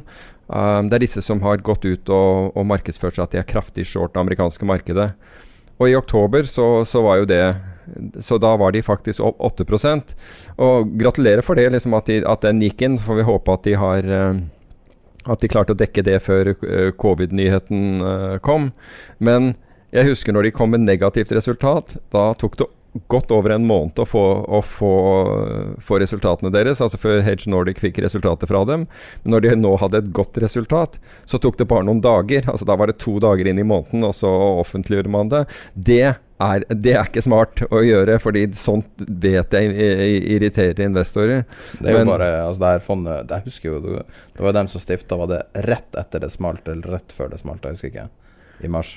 Ja, det, ja det, det, det, er riktig. Jeg tror eh, mars var den første, første måneden deres, men uh, Mars var 20 det var sånn de starta. Ja, nettopp. Og, og det er klart at de er 1,5% og så opp 4,3% så ned 4,6 og ned 4,7 og ned 14,2, opp 2,2 og nå opp 8. Ja. Eh, litt av en altså, Ja, det er volatilt. De er opp 6% for året, men herregud, altså. Ja, nå, nå har de liksom kommet seg i pluss for året takket være det, altså, det høres ut som tallene til en daytrader, liksom. Ja, men ja men så vidt jeg vet, så bruker de CFD-er. Uh, fordi de markedsfører De her bruker CFD? Ja, de bruker ja. Oh, de bruker CFD-er til å, til å til, Som uh, For å posisjonere seg. Det har jeg aldri hørt om før. Jo da. På de, det nivået? Ja. Nei, der, det er heller ikke Du kaller det et hedgefond? Og ja, det er, det. Altså, det er jo bare måten, altså, måten fondet er, er, organisert og registrert på. Så må det liksom gå under, under alternative fond. Ja. Um, så det er ikke noe gærent i det, men, uh, men uh, Original måte å gjøre det på? Ja, det er ja, veldig original måte å gjøre det på. Um, men det kan også ha noe med størrelsen å gjøre, fordi du må opp i en viss størrelse før du får adgang til Før du kan liksom bruke F.eks. For, for prime brokerage og den type ting, så må du opp i en viss størrelse. Ja, en Ista for den saks skyld. ja, en Ista tror jeg du kan se bort fra hvis du ikke er veldig stor. Uh, men, og jeg tror ikke at de har behov for, uh, for Ista-avtaler heller. Men men det, det de, de, klarte i hvert fall å, å, gi et positivt resultat, da, mens uh, de, uh, de, fondene som gjorde det bra måneden før, som da var en krevende må måned, de, ga, de da ga til, dette tilbake igjen, og da var det nok mye uh, mye som den megleren sa. altså at, at, Når vi sa at det var godt gjort av disse fondene, så, så, så sier han megleren at det var helt oversett nemlig at de har fått en At de fikk stor tildeling i emisjoner som de visste var Som de visste ville, ville bli populære. Så vi får nå se. Men nordiske hedgefond har jo gjort det ganske brukbart da, ja. som, som, gruppe. Det, det, det, skal sies, ikke sant. Jeg husker ikke hva hovedtallene der er jo Skal vi se, hvordan er det? Den er Jeg har den her. Ja, to, uh, ja, danske hedgefond er i snitt opp 2,7% i år. Finske 1,88. Norske 2,1. No, 2,14 og svenske 1,16. Så uh, Norge ligger, ligger uh, som nummer to. Men med positiv avkastning, da. Hvilket børsen ikke har hatt. Så det har, vært, altså, det har jo vært en bra diversifisering hvis du hadde, hvis du hadde investering i, i i snitt av disse fondene, da, for å si det på den måten. Ja, og hvis man starter i 2004, der uh, referanseindeksen, eller hva, deres, uh, hva det de lista er, så, uh, så er det opp 259% siden oppstart. Så. det er jo en veldig sånn flat, fin kurve, det her. da. Det her er jo ikke Hedgefondverdenen er jo ikke akkurat der du får de største utslagene. Med unntak av hva det heter det fondet som fikk noen tusen prosent i, i mars. Universet. Universet. 150% altså indeksen har gått fra 100 til 250. Det er interessen Det var det du, dem du møtte før det her skjedde, da. Er interessen av dem større enn det, enn det var da? Universet? Ja. Ja, altså, ja. Det er klart at de eh, men, men, det som er det unike med universet Jeg ble faktisk spurt om dem nå i, i helgen av, av, av, to helt forskjellige investorer. Men det som er unike med universet, er at de på forhånd definere hvor, hva, hva kosten Altså kost, forsikringskosten din kommer til å være Veldig appellerende måte å pakke det inn på. Ja, fordi du vet da hva dette koster. Altså det er ikke, altså de bruker opsjoner, og opsjoner hvis du skal kjøpe dem, vil koste deg netto premie. Men de, de, har satt en grense for hvor mye de bruker, og så de, de opererer med det. Så apropos eh, det som nå er blitt små selskaper, eh, Norwegian. Uh, hva du syns om at staten ikke vil baile ut uh, regelrett Norwegian basert på deres strukturelle Altså basically basert på deres lånebyrder. Altså, jeg, jeg, jeg forstår jo det. Altså, når du har så mye gjeld som uh, Norwegian har altså her, her blir det jo en sånn konflikt mellom viktigheten av Norwegian, arbeidsplasser, infrastruktur og den biten der, uh, og, og det rent finansielle. Nå her skal det sies her at jeg sitter med obligasjoner, og pga. at jeg hadde, hadde obligasjon i eh, Norwegian, også da påtvunget aksjer i, i, dette her. Men jeg har full forståelse for det eh, at man sier at her er det for mye gjeld. Greiene er at du kunne jo sikkert kjøpe denne gjelden tilbake for brøkdeler av eh, Staten gjør det. Staten eller hvilken som helst annen. Det, det, er jo det, som, det er jo derfor hedgefond også bl.a. har gått inn i Norwegian, men har gått inn i veldig mange av disse flyselskapene fordi de har kjøpt gjelden til veldig lave uh, verdier, og har tenkt å uh, bli rett og slett aktivister i, for, i forhold til det. Ja. Og det er klart at hadde staten fått med seg hedgefond på der, sånn, så hadde du i hvert fall hatt en, en skikkelig forhandlingspart. Jeg tror, altså når, man, når de hadde den forrige emisjonen i Norwegian, så, var, så, ble den drevet av, av, eh, av, av meglerhusene. Og jeg syns ikke at, at gjeldsinvestorene fikk en, en, bra deal der i det hele tatt. Jeg syns den var kjempedårlig. Men hvis det slik at Og det gjør jo nå at det er ekstremt vanskelig å få, få penger til dem. Mm. Men tenk deg antall arbeidsplasser her. Og så kan du sette det i et annet perspektiv. Og det er perspektivet med, tapet til Statoil. ikke sant? Altså, Når Statoil taper 200 milliarder kroner, og du kan ikke bruke 5 milliarder kroner på Norwegian det er liksom, Men det er, greia er at vi Men er det, er det ikke litt Vi snakker om vi snakker om uh, uh, altså moral hazard. Jo. Hvis du da tar en punt på Norwegian, og du bare tenker den blir baila ut, og så, og så tredobler du pengene dine, mm. hvordan lærepenger får du som investor, eller som sjef, eller som tidligere grunnlegger, eller grunnlegger, eller, ja, men, eller men, hele, hele leddet der at bare du klarer å fucke opp nok så blir du baila ut. Ja, men, hvis du klarer det, å kjøpe det, rett og det skal du, ja, men du tar jo da en sjanse, for du vet ikke dette her. her. Hva, hva har vært tilfellet med Norwegian? Jo, i april 2016 nådde vel Norwegian toppen sin med 217. Eh, da var den verdt 217 kroner. Den har da falt 99,8% siden det. Så de aller fleste aksjonærer, vil jeg påstå, som, som har sittet med Norwegian, har blødd seg i hjel. De har hatt det virkelig fælt. Det er en av de styggeste grafene jeg har ja, sett. Den er jo helt ek og uansett om du tar year to date, er jo helt grusomt. Og jeg skal like å se Verdipapirfondenes forening hevde igjen at bare du sitter lenge nok i aksjer, så er det ingen som har tatt penger osv. Altså, de, si det etter at du har sett Norwegian-grafen.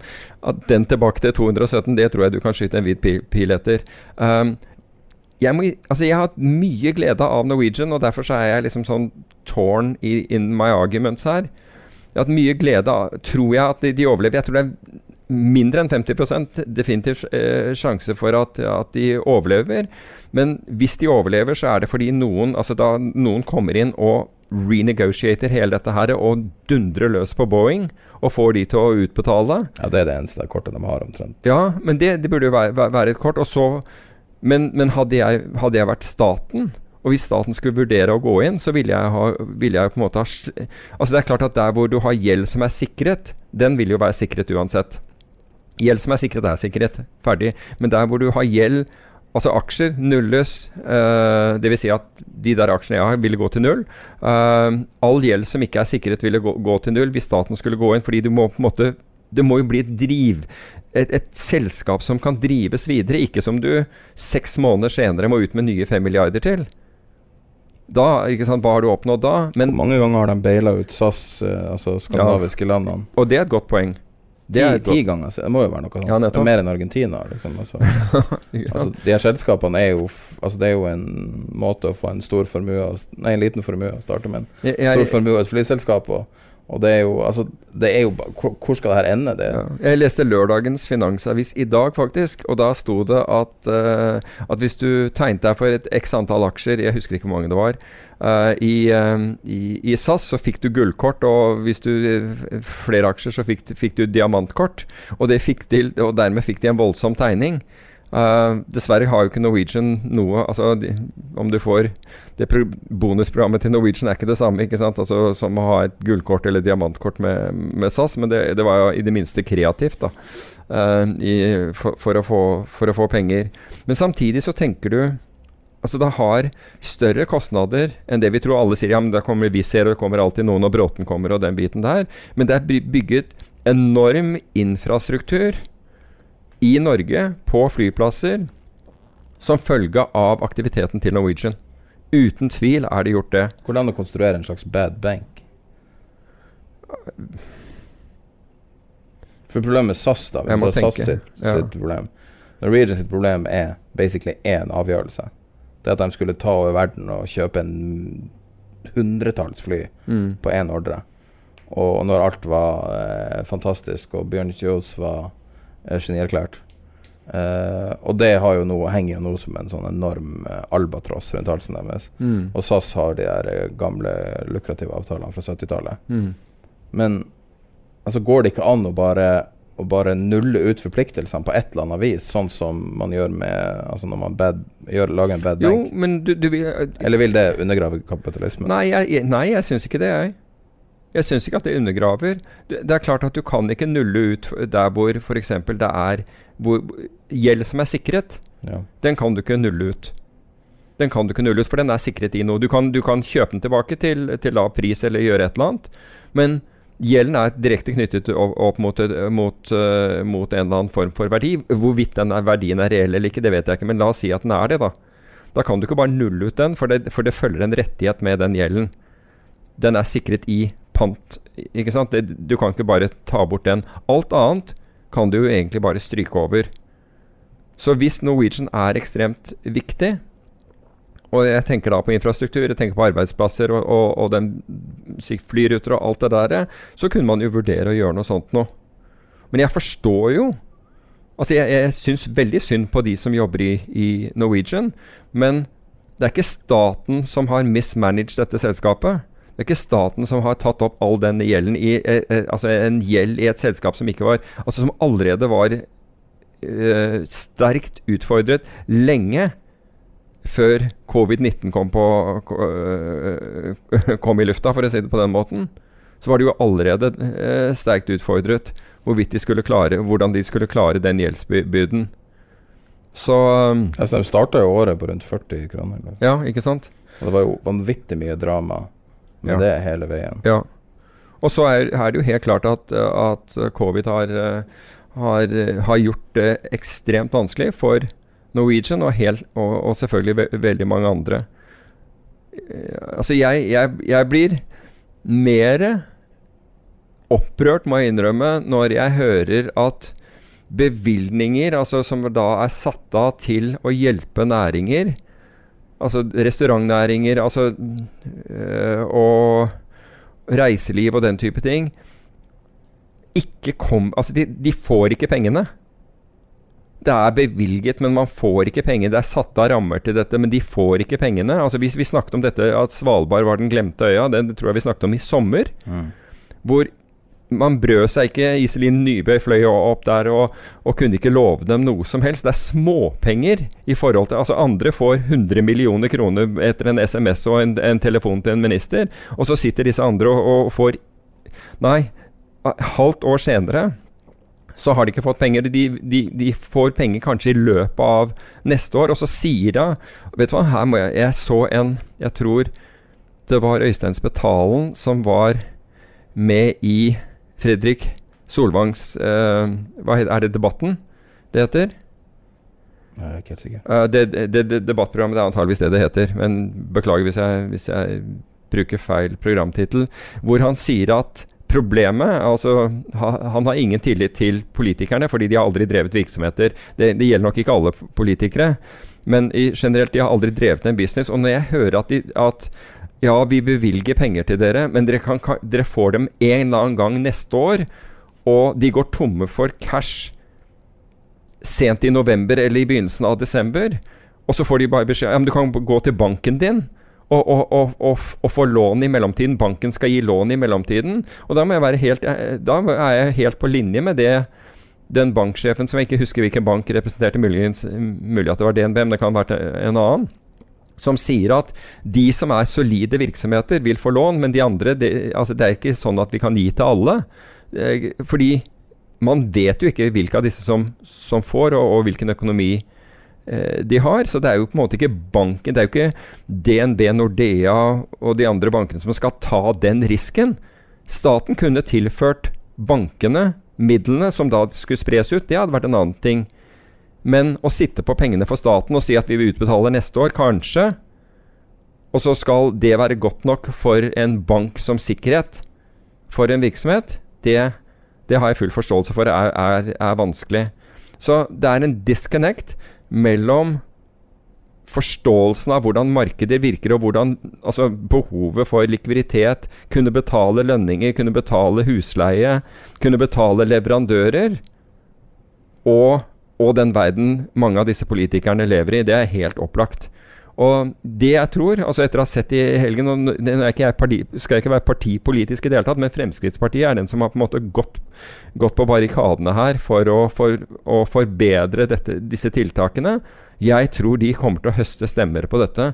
For alle som sitter i disse bedriftene, som er strapped for cash i øyeblikket, er desperate etter å kunne betale lønninger og ikke si opp alle, alle ansatte og, og, ikke bli slått konkurs, de, de, kommer til å notere seg hvem det var som, som, som hjalp dem i, i, i, deres mørkeste øyeblikk. Altså, det, er, det er jeg temmelig sikker på.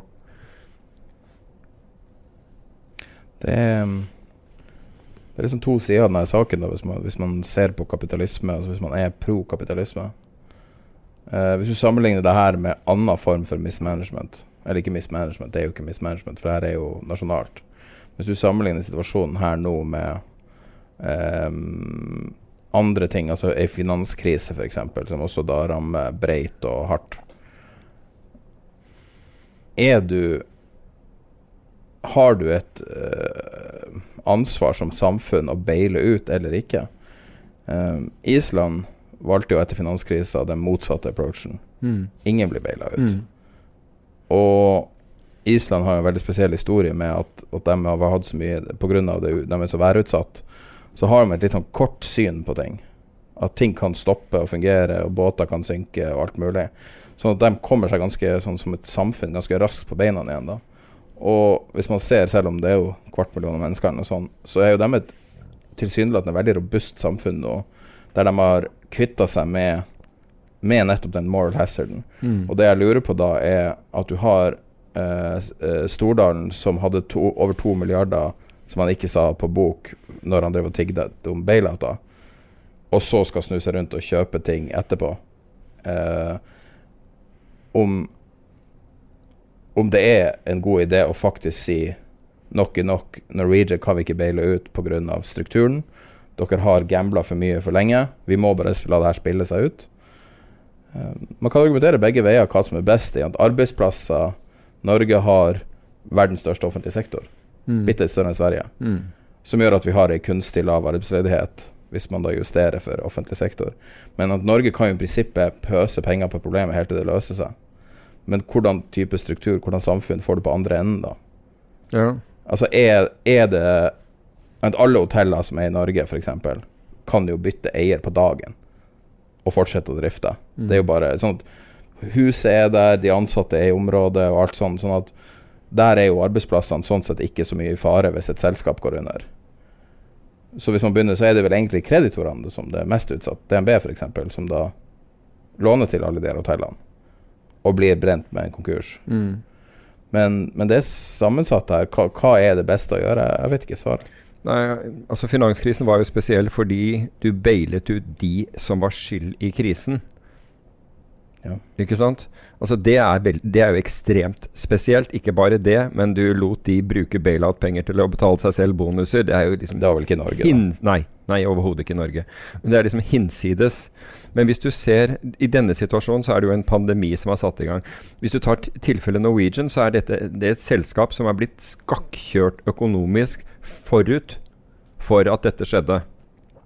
De har, de har fattet valg egne valg om å være i en situasjon hvor man har veldig veldig liten egenkapital og enorm, mot enorm gjeld.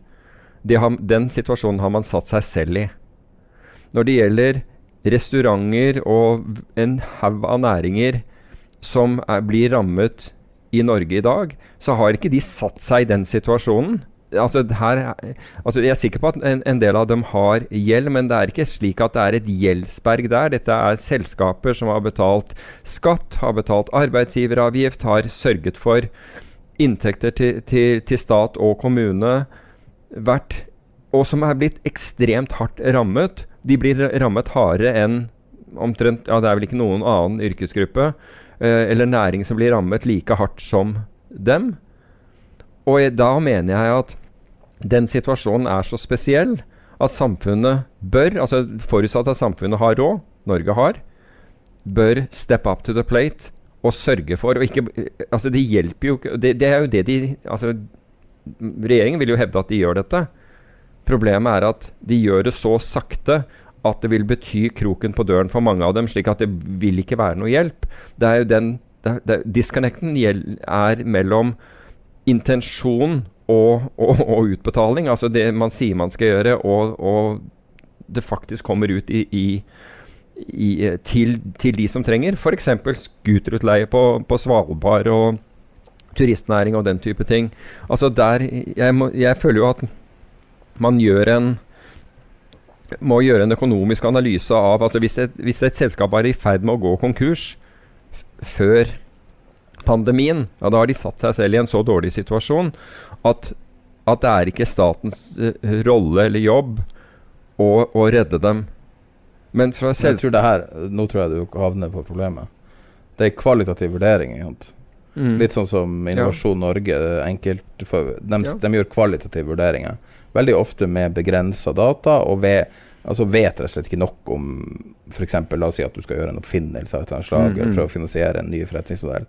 Så det er veldig vanskelig for en statlig ansatt, en saksbehandler, å gjøre en reell vurdering. Og da får man den Nav-problematikken der ja. at man har et veldig, uh, et veldig uh, gavmildt Nav-system, og så har du samtidig saksbehandlere som er ute etter å, å uh, i anførselstegn ta dem som prøver å utnytte systemet. Mm. Og du bruker veldig mye energi på å uh, å være politi i systemet. Og Da er spørsmålet undergraver det selve verdien av Nav, med at du da i det ekstreme tilfellene har fengsla folk som ikke har gjort noe galt, mm. som er det egentlig det mest ekstreme nesten som kan skje, mm. unntatt noe voldelig. Uh, en, en, liksom en, vanlig person blir fengsla uten å ha gjort noe. Det er jo helt sinnssykt. Ja. Jeg tror det oppfattes som voldelig av den personen. Ja. Altså. Og, uh, og, da er spørsmålet er det verdt å ha et sånn type system hvis du samtidig Altså du hele tida har den der gulrota og kjeppen. Mm. Er ikke det bedre å bare akseptere tap, og så prøve å, å, lage systemer for å motivere folk til å ikke manipulere det? Et sånn her bailout-system må jo bare innføre enorm pengetrykking, og så må du bare gønne på. Du kan ikke sitte og vurdere å ha saksbehandlere på hver enkelt jo, sak. Nei, altså det, det. Nei, det blir, det, blir vanskelig. Vil, Nå har vi seks måneder, og så er, er, vi tilbake. Det, vil være, være, også veldig tidkrevende å gjøre. Men jeg mener jo, jeg mener jo at man bør og det har, staten, det har, jo staten sagt også, at de skal gjøre. Det er bare at de bruker så lang tid på å få pengene frem at mange av de de hjelper, ja, de, de gjelder, vil gå konkurs før det skjer. Det er jo en ekstremt fortvilende situasjon. Og vi, hva er det vi skaper med det? Jo, vi, vi, skaper da nedlagte bedrifter, altså mindre skatteinntekter. For det er ikke gitt at det kommer en inn og, og, bare overtar og begynner å drive det uh, fra scratch igjen etterpå. Det kan godt hende at de sier 'dø, det der har ikke jeg lyst til å, å, oppleve. Da drev vi en næring. Der, uh, vi hadde en bedrift som, som, gikk bra. De ansatte fikk penger. Vi betalte skatter og avgifter til stat og kommune. Og i det neste øyeblikk så blir vi hamret ned av noe som for oss, for dem, opp, uh, var, var en, en, sort svane, og så får vi beskjed om at vi får hjelp. Men uh, så brukte man så lang tid på, på, å overføre den hjelpen til oss at vi gikk konkurs i mellomtiden. Er det noe jeg har lyst til å drive med? Nei, kanskje ikke. Kanskje ikke. Så, så du kan si at jeg tror Vil det være så Det du sier, er at det er en risiko forbundet med det. Og det er klart at det er en risiko. Ja, Men moral hazard ja, er, det, det er, Jeg tror det er, det er mye, mye større enn man gir Altså enn en man gir uh, Altså give it credit for. Uh, og du ser det så vanvittig godt i banknæringa i USA. Du ser bare Eller, eller, eller tradere som, som trader. Altså, man tar helt for gitt at enhver liten slekk blir plukka opp av staten. Men det tror, jeg, det tror, jeg, ikke noen av disse restaurantene og, og, og og de innenfor turistnæringen har gjort på forhånd. De har ikke tatt det der for gitt, de. Altså, jeg, jeg, jeg, tror- de sitter i en helt ny. Liksom. helt ny, situa ja, helt ny situasjon. Ja, helt lenger opp i verdikjeden så tror jeg det handler om at hvis du er så stor, så, så blir du tatt vare på. Hvis du har nok gjeld, og det, det er jo et uttrykk fra way back in times, ikke sant, det er at hvis du skylder, en, eh, hvis du skylder nok, så er det liksom ja. Millioner, og milliarder og banken. Også. Nettopp, ikke sant? Og så blir det sentralbankens eh, problem. Men jeg mener at, eh, at her er det en haug av næringer som sannsynligvis ikke faller inn som mest sannsynlig ikke faller inn under dette i det hele tatt, som er ille ut, ute og kjører, som du har signalisert skal få hjelp, men du klarer ikke å få frem. De har gjort noen ting, da. De har gjort, gjort det lettere å deale med skatteetaten, gjort det lettere med Ja. moms og alt sånt. Og, Initielt så, så, så syns jeg man så, gjorde så de har gjort sånn, De har gjort overraskende bra i forhold til hva man kanskje forventer fra noen av de her etatene. Til å begynne med så syns jeg det var veldig veldig bra, bra gjort. Jeg syns de reagerte så fort som de kunne. Men etter hvert som denne krisen har trukket ut, i, og ikke bare trukket ut, den har jo nå for, også forverret seg, så er det klart at da må Altså, hva er det Darwin lærer oss? Jo, det er å tilpasse oss. Altså, hvor, Hvordan overlever vi? Vi vil overleve ved tilpasning. Da må jo også dette systemet klare å tilpasse seg og si at disse menneskene her, de fortjener faktisk en, en break her. Vi, det er en del av skattemidler inn, og, og at, vi er et rikt samfunn, og at vi har et oljefond og alt det der. La oss nå for guds skyld beskytte disse, disse arbeidsplassene, og få, disse, få dem over krisen. Og så får vi se i den andre enden, for da har vi antageligvis eh, færre arbeidsledige. Og vi, og, og vi har going concern. da kunne man ha gjort det på en annen måte starta i andre enden og sagt man fryser f.eks. all inkasso, eller noe sånt. Bare fryser hele systemet. Lar, lar det her Mm. ikke eh, gå så langt at du f.eks. mister Altså ikke er likvid. La oss si at du Ja, men det er jo ikke så enkelt, fordi eh, da kan du si at de som da har utstående, da, hva skal du gjøre der? Ja, ja. Nei, det, men jeg, Da forskyver du problemet ut, ut til, til, eh, til neste ledd. mm. Og de får, får et problem. Så jeg mener at dette er jo altså Jeg tror man må bestemme seg. Skal man hjelpe Spar eller ikke? Meg, spar meg fra, fra å, å redde finansinvestorer. Her er det ar vanlige arbeidsplasser og vanlige arbeidsfolk. Altså Putt pengene inn slik, og, og redd disse her. Altså Hva er det liksom, finansinvestorer skal reddes i løpet av timer? Og så, og så skal dette her ta måneder holde på. Det er riktignok ikke eh, Norske regjering har jo, ikke, har jo liksom ikke fattet tiltak for å redde finansinvestoren. Nå snakker jeg Ja, de hadde noe gullkort i finanskrisa, Under finanskrisen hadde de det. Og det kom ganske fort. Det kom ganske fort. Det kom ganske fort. Men altså, hvis du ikke hadde hatt det, så hadde du hatt problemer med å få, få et banksystem til, til, til å virke, som da hadde igjen innvirket kraftig på samfunnet. Men Eh, jeg syns det var positivt for systemet Norge, økonomiske systemet Norge, at de ikke bare bøyde seg etter trusler fra Norwegian. Og Norwegian har jo trykt på noe og sagt Mm, ok, ja, ja. sier opp masse folk. Ja. Og, ja, og det er jo helt åpenbart, de spiller et spill her og prøver å da presse gjennom en avtale. Norwegian har vel ikke noe valg? Nei, altså egentlig for så vidt. de har- altså, de- de det her er få- definitivt et spill også. De må jo få pengene til å vare så, så, så lenge som mulig, for de tenker jo så lenge det er liv, er, er det håp. Ja. Men den dagen jeg føler at liksom de, Altså Den dagen jeg, jeg ser noen på Svalbard si 'tusen takk, pengene kom', det er, det, er på en måte det som er geografisk lengst fra Oslo. Da vet jeg at noe har skjedd Ja. i, i, i systemet.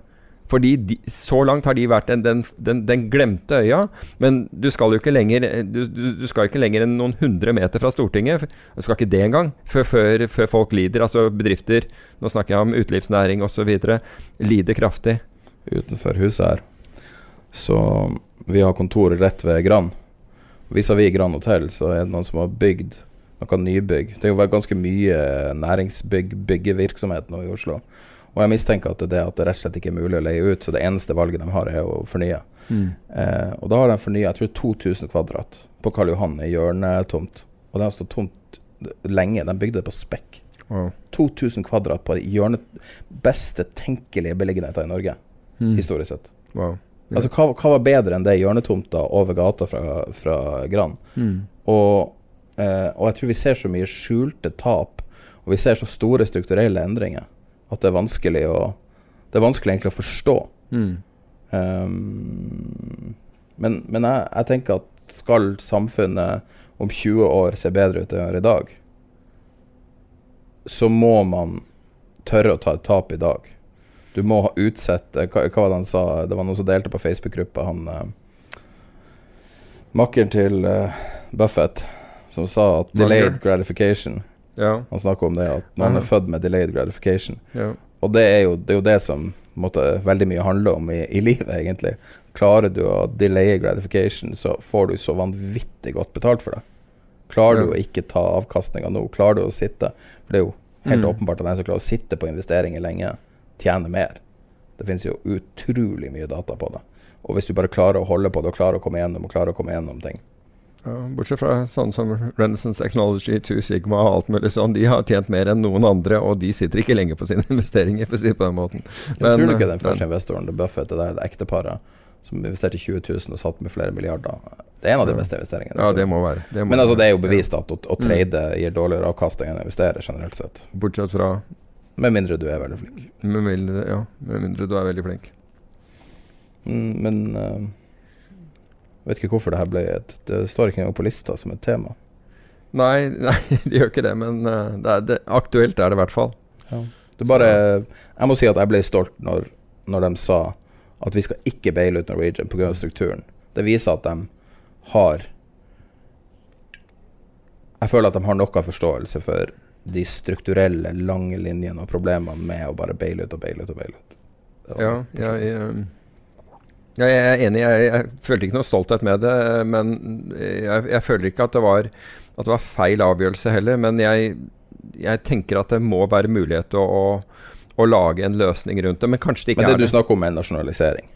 Det er det du beskriver. Ja, det, det vil jo i så fall altså Hvis først staten skal, skal gå inn, så må det jo Så vil jo i så fall være det bare å inn Det å putte inn penger uten mål og mening annet enn, å, annet enn La oss si seks måneders drift, eller, eller hva, hva det måtte være. Altså Det må være en struktur bak det. Altså Man må ha tenkt eh, endgame her for at det skal være noe vits i. Og der, der tror jeg rett og slett at staten ville måtte ha ha noen ordentlig smarte finansfolk med på laget for å, for å kunne gjøre det. Altså Tilsvarende det man Man, man, man ser jo at uh, flyselskaper har jo blitt etterspurt og steget i verdi i bl.a. USA som følge av at nå ser folk muligheten for å gjøre en restrukturering rundt det. Men rett og praktisk hva man kunne ha gjort, er å lage en komité av finansfolk som ikke har et åpenbart insentiv for å berike seg sjøl, altså ikke fra meglerbransjen f.eks. Mm. uh, for å lage rammeverk for hvordan man kan raskt uh, gi likviditet til bedrifter som trenger det. Det må jo være mulig. Det er noe man kunne ha gjort i dag. Altså, akkurat- Kalt inn veteraner fra forskjellige. Mulig, men jeg Knut Kjær, f.eks. En sånn type. Ja, ja, Og så lage en komité som lager ei klar ramme for bedrifter, altså small medium eh, bedrifter. Altså Jeg har jo inntrykk av at det er byråkrati eh, som, eh, som, eh, som forhindrer veldig mye her akkurat i øyeblikket. Ja, det det? Altså, det er derfor oljefondet fungerer så godt, for det er jo så lite byråkrati. Ja, nettopp. Lite politisering. Nettopp. Skal vi hoppe til bitcoin i stedet? Ja, det kan vi godt. For det er ikke så mange som snakker om bitcoin, altså. Virkelig ikke. Nei, altså det til tross for at bitcoin da har brutt opp gjennom 10 000, 11 000, 12 000 og også opp gjennom nå 16 000. Uh, jeg hadde det på blokken uh, i, i minst tre eller fire av våre siste episoder, hvor jeg hadde tenkt å påpeke det, på op opsjonsposisjoneringen, for den har vært ganske merkbar i bitcoin, og det var desember. 14 000 til 16 000 call spreads. Altså det ble kjøpt veldig mye av det. Altså hvor man kjøpte en kjøpsopsjon som ga en rettighet til å kjøpe eh, bitcoin på 14 000. Og da var, da var for øvrig bitcoin uh, nede i, i 12 000-nivå. Uh, og så solgte man en, en, eh, en kjøpsopsjon som, slik at på, på, med strike 16 000. Med andre ord, man kunne tjene disse 2000 uh, dollarene imellom. Og der ble det kjøpt mye. Det var liksom Det var sånn at uh, flere av investeringsbankene påpekte at her var det stor interesse. Og tilsvarende så har man kjøpt uh, for, for, for eh, forfall i mars 2021 18 000, 22 000. Altså eh, kjøpsopsjoner på 18 000. Eh, stri- da, som er nesten ja, si eh, 1500 dollar over, over uh, prisen i dag. Og, og utstedt 22 i, to- 22 000-streiken. Um, så noe skjer der, og det som det som jeg syns er positivt med bitcoin denne gangen, er at er, alle gærningene er ikke med. Altså, du, du, får jo nesten ikke omtale det at du har, du har steget i verdi. Så det er ikke Men den PayPal er med. ja, PayPal joina altså Det var jeg faktisk ikke klar over. å inkludere bitcoin forrige uke. Akkurat. Det er noen hundre millioner brukere som eh, Jeg tror det er eh, 23 millioner utsalgssteder eller noe sånt, jeg så det tallet Wow. tidligere, som bruker PayPal. Og du kan nå bruke bitcoin som medium for å betale. Ja, som betalingsmiddel, rett og slett. Ja. Og det må jo øke i hvert fall likviditeten i, i det markedet. For at jeg kjenner en som jobber med bitcoin. Og han sier at en av hemmelighetene er jo at det er jo ingen som bruker det her. Altså, Mm. altså han, han jo, har jo veldig stort initiativ på at det her skal liksom bli stort og fantastisk. Eh, men interessen, altså selve handlinga, altså folk som faktisk kjøper, det er veldig lite av det. Ja. Mye mindre enn du, du skulle tro. Men, men avkastninga har vært solid. Hvis du ser fra 7. oktober, så er det opp uh, 53% Mer eller mindre ei rett linje. Men, det, ja, en, en ting, men en av de som jeg, jeg syns var, var interessant her, det var øh, Nå vet jeg at eh, du, du, du irriterer av, eller i hvert fall irriterte deg forleden dag over Mike Novogratz. Nei, jeg Eh, bare sa han så ut som tulling. ja, men hans, Han investerings, hatt. hans investeringsbank, da, Galaxy Uh, de, de børsnoterte seg, ikke sant, og kursen falt ned uh, voldsomt. Altså falt fra, vel fra fire Eller var det over fire, seks til under én, eller noe sånt noe. Men da den var på én Jeg møtte jo med dem i, øh, i Miami i slutten av januar. Og da fortalte hun, hun jeg snakket med, at, øh, at verdien av Galaxy var nå var eh, mindre enn bitcoin-holdingene til selskapet. Så det var jo altså Så hvis du, skulle hvis du kjøpte Galaxy, så fikk du faktisk bitcoin for under, under prisen. Eh, den daværende prisen. Så det betyr at, at ledelsen er verdiløs? Ja, men alt det andre som Galaxy kunne gjøre, da, og al altså IPO-er og alle disse tingene som Galaxy var da priset til, til, til, til under null. Ja. Og hva har skjedd med Galaxy siden? Det har gått fra 1 til 5, altså fra 1 dollar til 5 dollar. Så nå handles Galaxy over 5 dollar. Så, um, mens og, og det rare er du har sett andre har tredoblet seg uten altså, som har drevet innenfor uh, Som har hatt emisjoner innenfor, uh, innen, innenfor uh, krypto. De har, de har tredoblet seg uten å ha underliggende verdier whatsoever. Så det at Galaxy, som da du kunne kjøpe for ja, si bitcoin-prisen, altså, pri, altså det de satt på av, av bitcoin det, altså At folk i det hele tatt vurderte å investere andre steder, i, i altså egentlig bare løfter og muligheter fremover. For tross alt, Mike Novogratz kommer til å ha en ganske ledende rolle i, i det han driver med. Det, det tror jeg på In, innenfor um, innenfor krypto, at man ikke da isteden valgte å kjøpe som no, noe du kunne kjøpe på børs.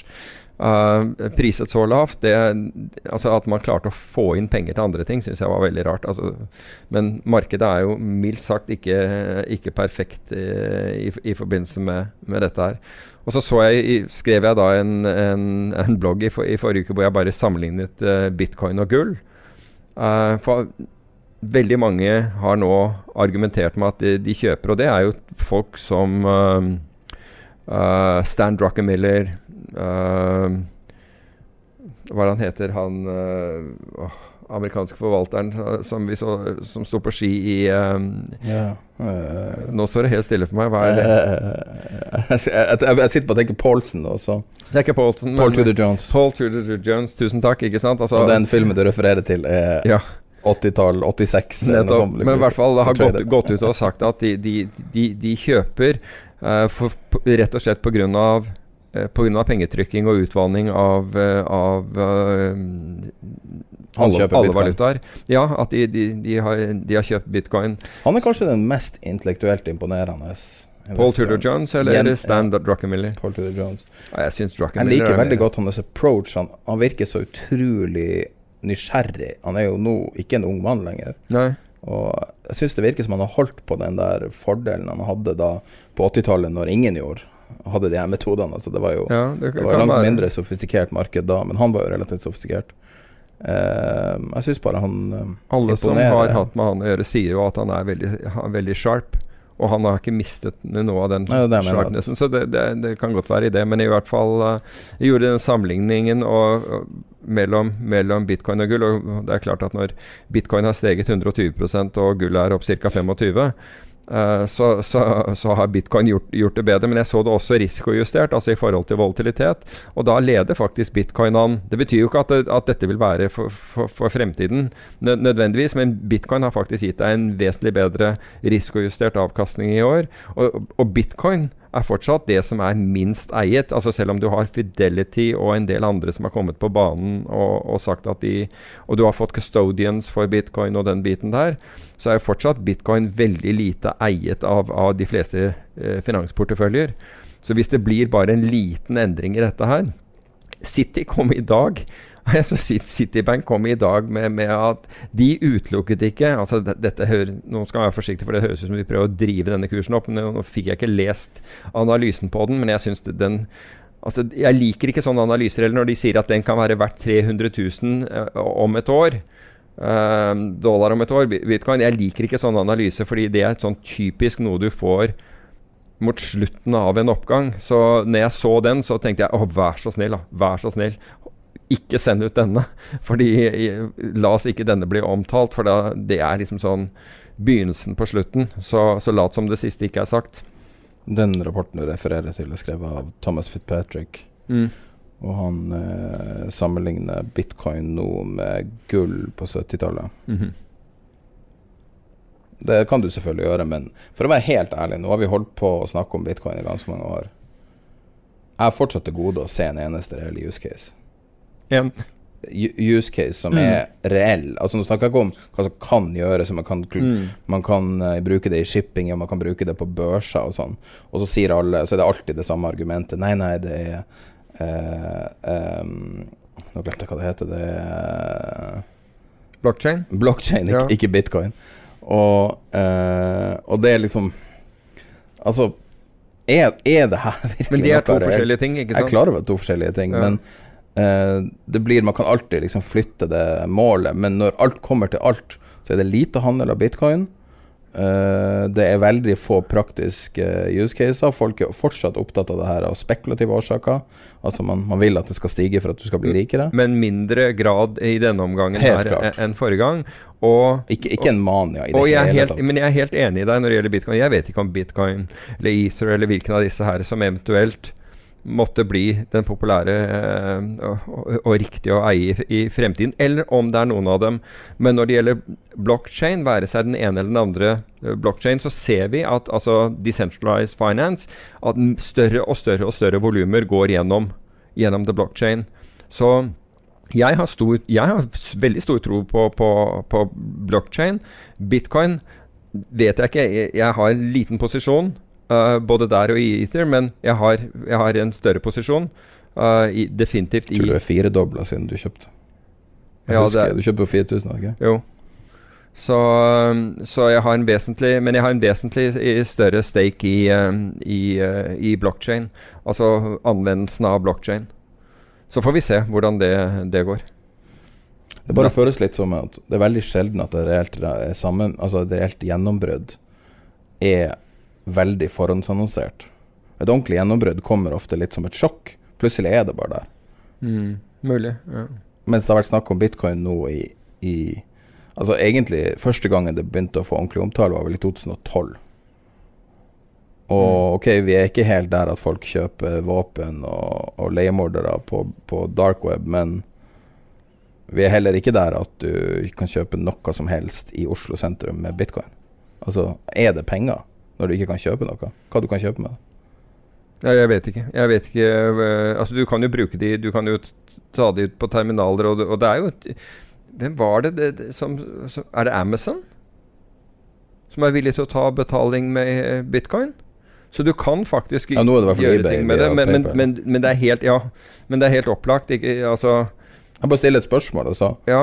Eh, det er liksom sånn at Uh, vi snakker ikke så mye om Tesla nå om dagen. Det er liksom ikke så mye å si utenom at uh, Elon Musk har korona. Det, det ligger rundt 400 dollar. Ja, uh, men det betyr ikke at, at dem som er skeptiske, mener at keiseren plutselig har fått seg klær.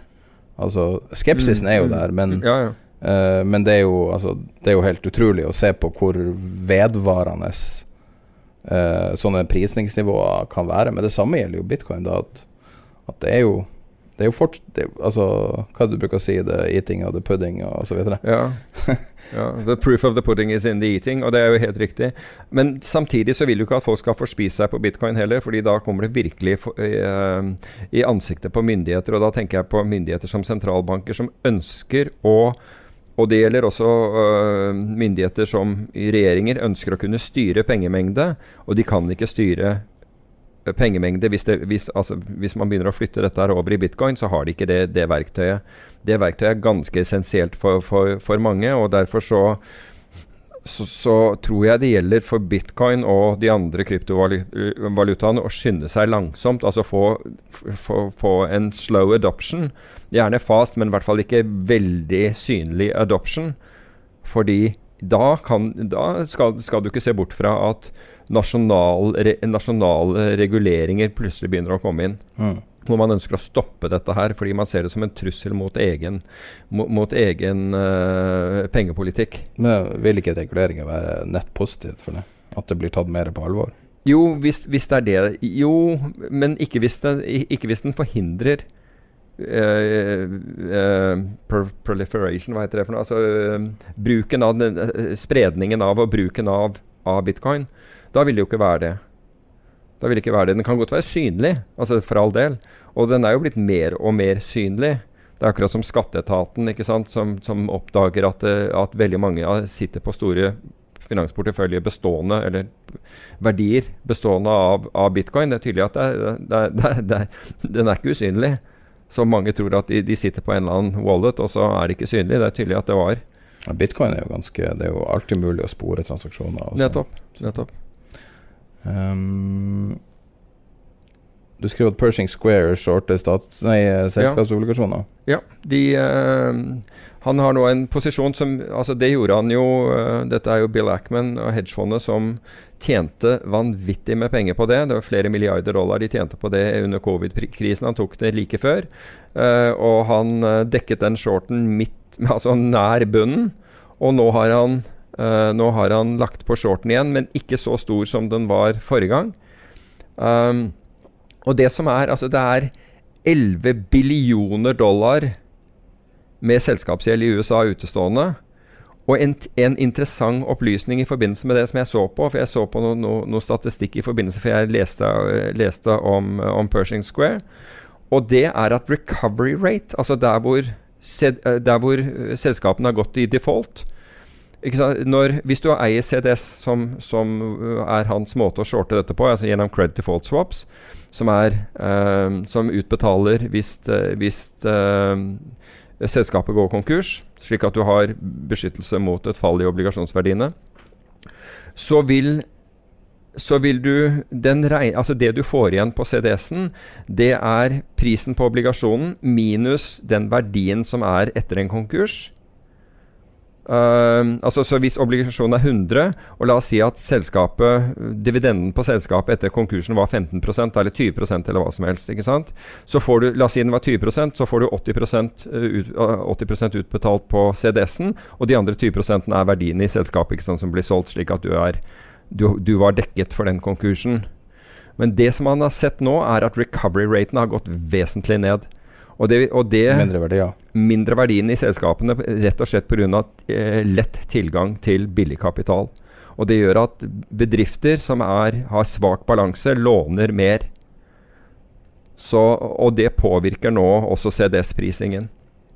Så, så, både Bill Ackman uh, og, og, Boas Weinstein, som også, altså Saba Capital, som, som, som da Boas har jo vært på denne ment dette her hele veien. Han driver også og shorter da high yield debt og den type ting. Og sier at, at spreddene er for lave. Det er den billigste shorten du kan ha i markedet, er faktisk å shorte high yield debt. Hm. Så blir det blir spennende å se. Altså dette var jo Ackman gjorde jo dette før uh, denne covid-vaksinen, uh, både én og to, kom ut. Så vi får nå se hvordan de manager disse, disse, posisjonene. Boas Weinsteins fond er jo opp, så vidt jeg vet, vi, over 80% fortsatt bare i år. Bill Eckman har jo den, den der SPC-en, special Spacken? Ja. ja. Um, og Er han innblanda i det? Nå, nå stiller jeg et spørsmål her live, da. Han, han fra Moneyball, den originale karakteren fra Moneyball, Billy Bean, Mhm. er han blanda inn i det på noe vis? Det vet jeg ikke. Jeg, jeg satt bare og klikka litt nå mens du Bare for å få bakgrunn på det. Og da har han nylig fått investorer, bare for en time siden, liksom. Og i den uh, uh, spekken. Og, og de sier at det er knytta til Billy Bean. Jeg visste ikke. Ok, men den spacken til, eh, til eh, Seth Klarman, som investerte i den nå, Ja, nå i dag. Seth Klarman er jo en veldig kjent ba Baupost. Han Ja. er uh, hedgefondforvalter som forvalter et hedgefond som heter Baupost. Uh, Bill Ackman som forvalter eh, Pershing Square. Altså Når han satte opp denne spacken, så tror jeg, jeg Jeg tror det er den største emis- SPAC-emisjonen som har vært eller noe sånt. nå. Han fikk inn vanvittig med penger uh, til den. Så Ja, folk bare gambler på noe smart. Special Purpose, purpose Acquisition eh, Company står SPAC for. da Og de, de vil da kjøpe børsnoterte selskaper som er undervurdert. Og eventuelt ta de av børs. Og, Han har henta fire milliarder dollar. sikkert. ja, og det er mye for en SPAC. Target Mature Unicorns. Jeg bare synes det var litt artig å se Billy Bean. Det er fra eh, Moneyball. Han er jo litt, litt på bortebane sånn hvis han jobber i finans nå, men jeg bare tenkte du hadde hørt om. Nei, jeg hadde ikke det. Sorry. Um, da er det um, en liten bokanmeldelse. Det er jo noen bøker vi har nevnt veldig mye helt siden første episode. og eh, Mange spør jo om liksom, lek lektyre for å komme seg opp på et sånn basisnivå, bare for å vite hva som har skjedd tidligere. Og når det kommer til trading, så er det jo ikke så åpenbart hvordan ting fungerer. Altså, det er ikke så mye informasjon å hente sammenligna med kanskje mer en value-investor som har Mm. klassiske bøker. Da. Men de bøkene som heter Market Wizards, som nå den femte har kommet ut Ja. uh, skrevet av Jack Schrager, og de er jo blitt klassiske bøker. Og det er nesten de bøkene du, som refereres til av alle hvis du liksom skal du lære noe om osv., så, videre, så så Kanskje anbefales spesielt nummer fire, som var innblikket i hedgefond. Ja, den heter vel Hedgefond Market Wizards, tror jeg. Så, men du kan si at forskjellen på den som er kommet ut nå, og som jeg, eh, som jeg har lest, er, den heter The Unknown Market Wizards, er jo nettopp at de er unknown. I de andre bøkene så er det alle eh, fordi, I hvert fall hvis du har vært i marked og trading i, i, over tid, så vil du, så vil du vite hvilke eh, Kjenne igjen disse navnene. Uh, i uh, de andre Market Wizards. Nå har han da søkt opp tradere som få har hørt om. Uh, og det er ganske interessant. Men som har gode resultater. som har svært gode resultater. Fordi eh, nå har Mark, uh, Jack Schrager, forfatteren, han har da en annen business hvor du, du kan laste opp resultatene dine på deres webside og få da ut, uh, ut tallene. Og det er det han har jo bedt disse, disse forskjellige Er gjøre. det sånn han finner de folkene? Ja. Så de Jeg er alltid lurt på hva ja, så, så de, altså det er sånn han finner disse folkene. Ikke de andre. De, de andre tidligere har jo hatt store resultater fra Salmon Brothers, Goldman og, og den biten der. Så i hvert fall så har man analysert uh, avkastningen, og her er det jo noen som har hatt, som har, uh, hatt uh, 50 eh, annualisert avkastning over ti år. Det er noen som har hatt over 100 avkastningen i, i året. Og, det er, og, og du hører deres historie.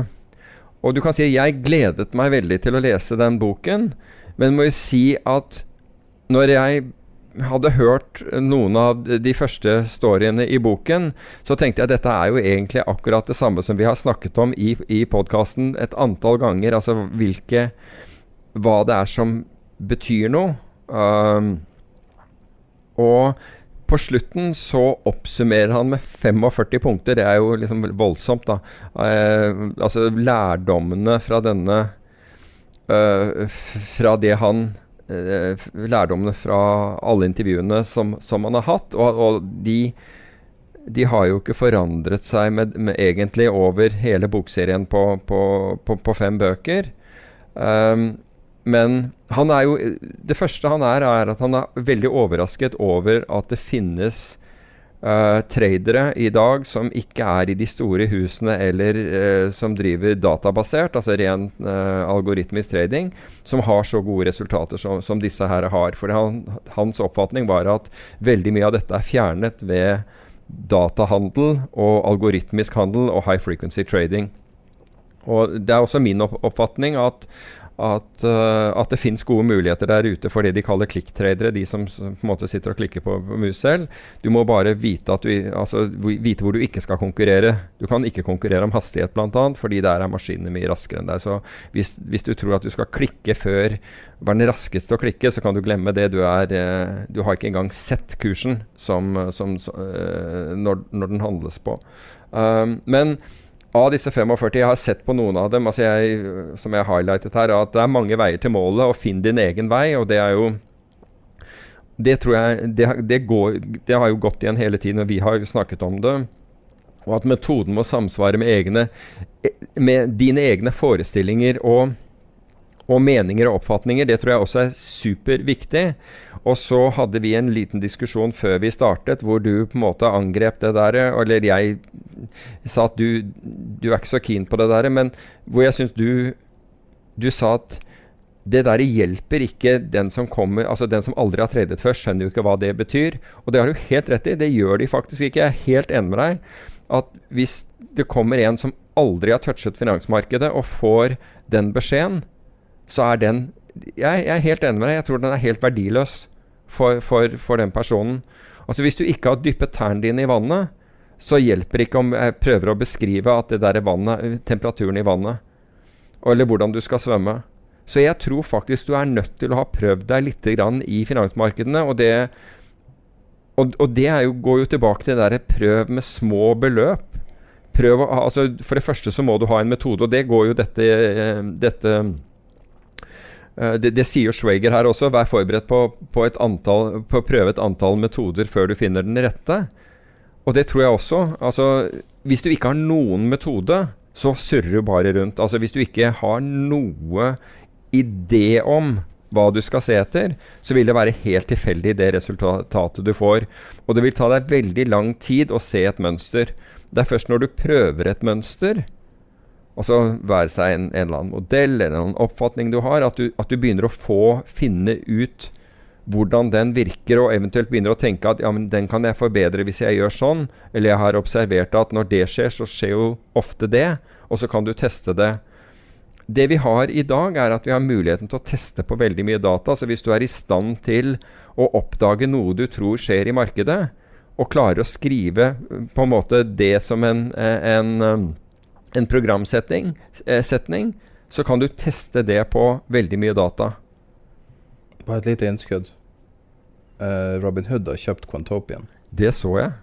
Det syns jeg var en veldig inspirert uh, acquisition. Og veldig forbausende. Veldig forbausende. Quantopian er jo et utrolig artig sted å sitte og leke seg selv for noviser. Ja, ja. Og, og, det at Quantopian gikk den veien, var også veldig overraskende for meg. Men, uh, men Quantopian er ja hvordan, der du kan backteste Hvor du kan backteste teorier du har. Nettopp teoriene dine. Og du kan også eventuelt få penger til dem. Eh, hvis, hvis de viser seg at, at den modellen eh, du har, tjener penger, så er de villige til å satse på deg. Mm. Uh, og da, de, da, får du en cut av, av, de anvender modellen. Er ikke det litt lignende, bare mye større skala i WorldQuant? Uh, jo, og point 72. Ja. Altså, det du må være klar over, før du liksom går berserk inn der med en moving average-modell, er at de er ikke interessert i modeller som har beta.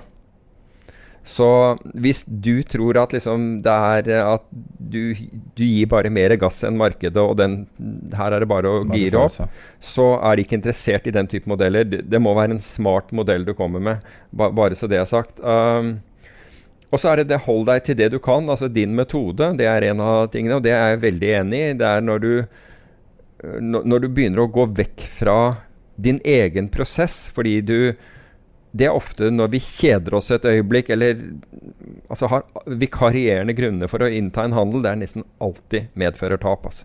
Og hvis den ikke gjør det, så er det enda verre, fordi da blir du stimulert til å prøve det der igjen, og da prøver du kanskje med mer penger, og så smeller det. Um, og at metoder og modeller må tilpasses endringer i markedet, er også ekstremt viktig. Altså Du vil finne at ting Altså enten modellen din eller det du handler, virker en, en god periode, men så slutter å virke. Det betyr ikke at du taper, men du får ikke signaler. Og det betyr at du er nødt til å se at, at du hele tiden må følge med et bredere spekter av enten modeller eller eller de ulike aktivaene som du handler, være seg altså Hvis du sitter bare og handler aksjeindekser eller enkeltaksjer, så bør du bre ut utvalget for at du skal, for at det, for at du skal fortsatt få signaler. Og som, de, som han he, er helt klar på, vellykkede tradere, altså de som tjener penger, har alle en, en metode de følger de er ikke tilfeldige. Det er ikke sånn at de sier åh, nå, nå kom covid-vaksinen, uh, COVID nå gjør jeg dette. Altså De har en metode de følger, og enten så stemmer den overens med det, eller så, eller, eller så deltar de ikke i, uh, i, markedet. Når jeg hører folk si det der, bare for å skyte inn en liten ting, så var det når vi leste boka til um, Jeg husker ikke hva han heter. Til Simmons mm. i, i Renaissance så, på, så var det Satt meg opp i stolen når jeg leste at han lot seg rive med den nedturen som var med da forrige mm, jul, eller hva mm. det var, og ville begynne å vilkårlig shorte ting og var tilsynelatende Slå av modeller og Ja, akkurat ja. som meg. Og ja. så tenker jeg um, når, folk, når, du hører et intervju med en sånn person som da Du har tallene, og det er veldig bra tall, sånn at det her er til å stole på. Og så uh, Det er to, to ting. da Det ene er at måten de teoretisk snakker om seg sjøl, og måten de faktisk agerer, tror jeg er ganske forskjellig.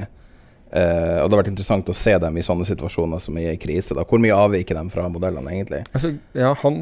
og, det, og, det, andre er at her har du en veldig stor bias når du intervjuer folk basert på data, for du, du intervjuer kun vinnerne. Det er riktig. Så jeg spørs hvor mye sånn her liste egentlig er verdt. Fordi at han har kun intervjua dem, så han har en enorm sånn vinnerbias i i utvelgelsen av metoder. Ja, kun. Det kan, være, altså det kan jo i teorien være bare tilfeldighet som gjør at akkurat de her folkene har lykkes.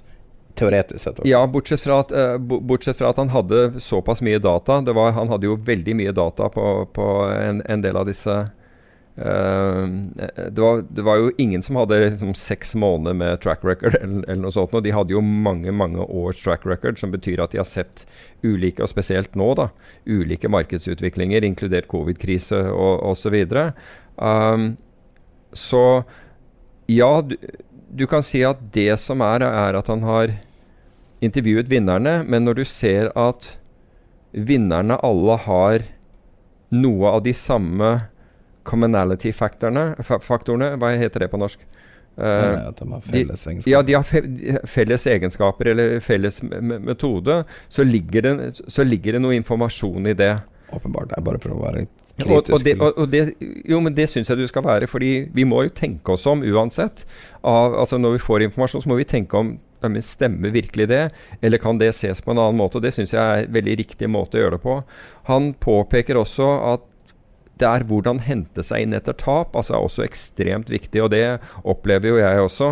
Altså Prøv da ikke å få store tap, men hvordan hente seg inn etter. altså Hvis du skal prøve å få det der tilbake umiddelbart, så blir sannsynligvis utfallet enda verre.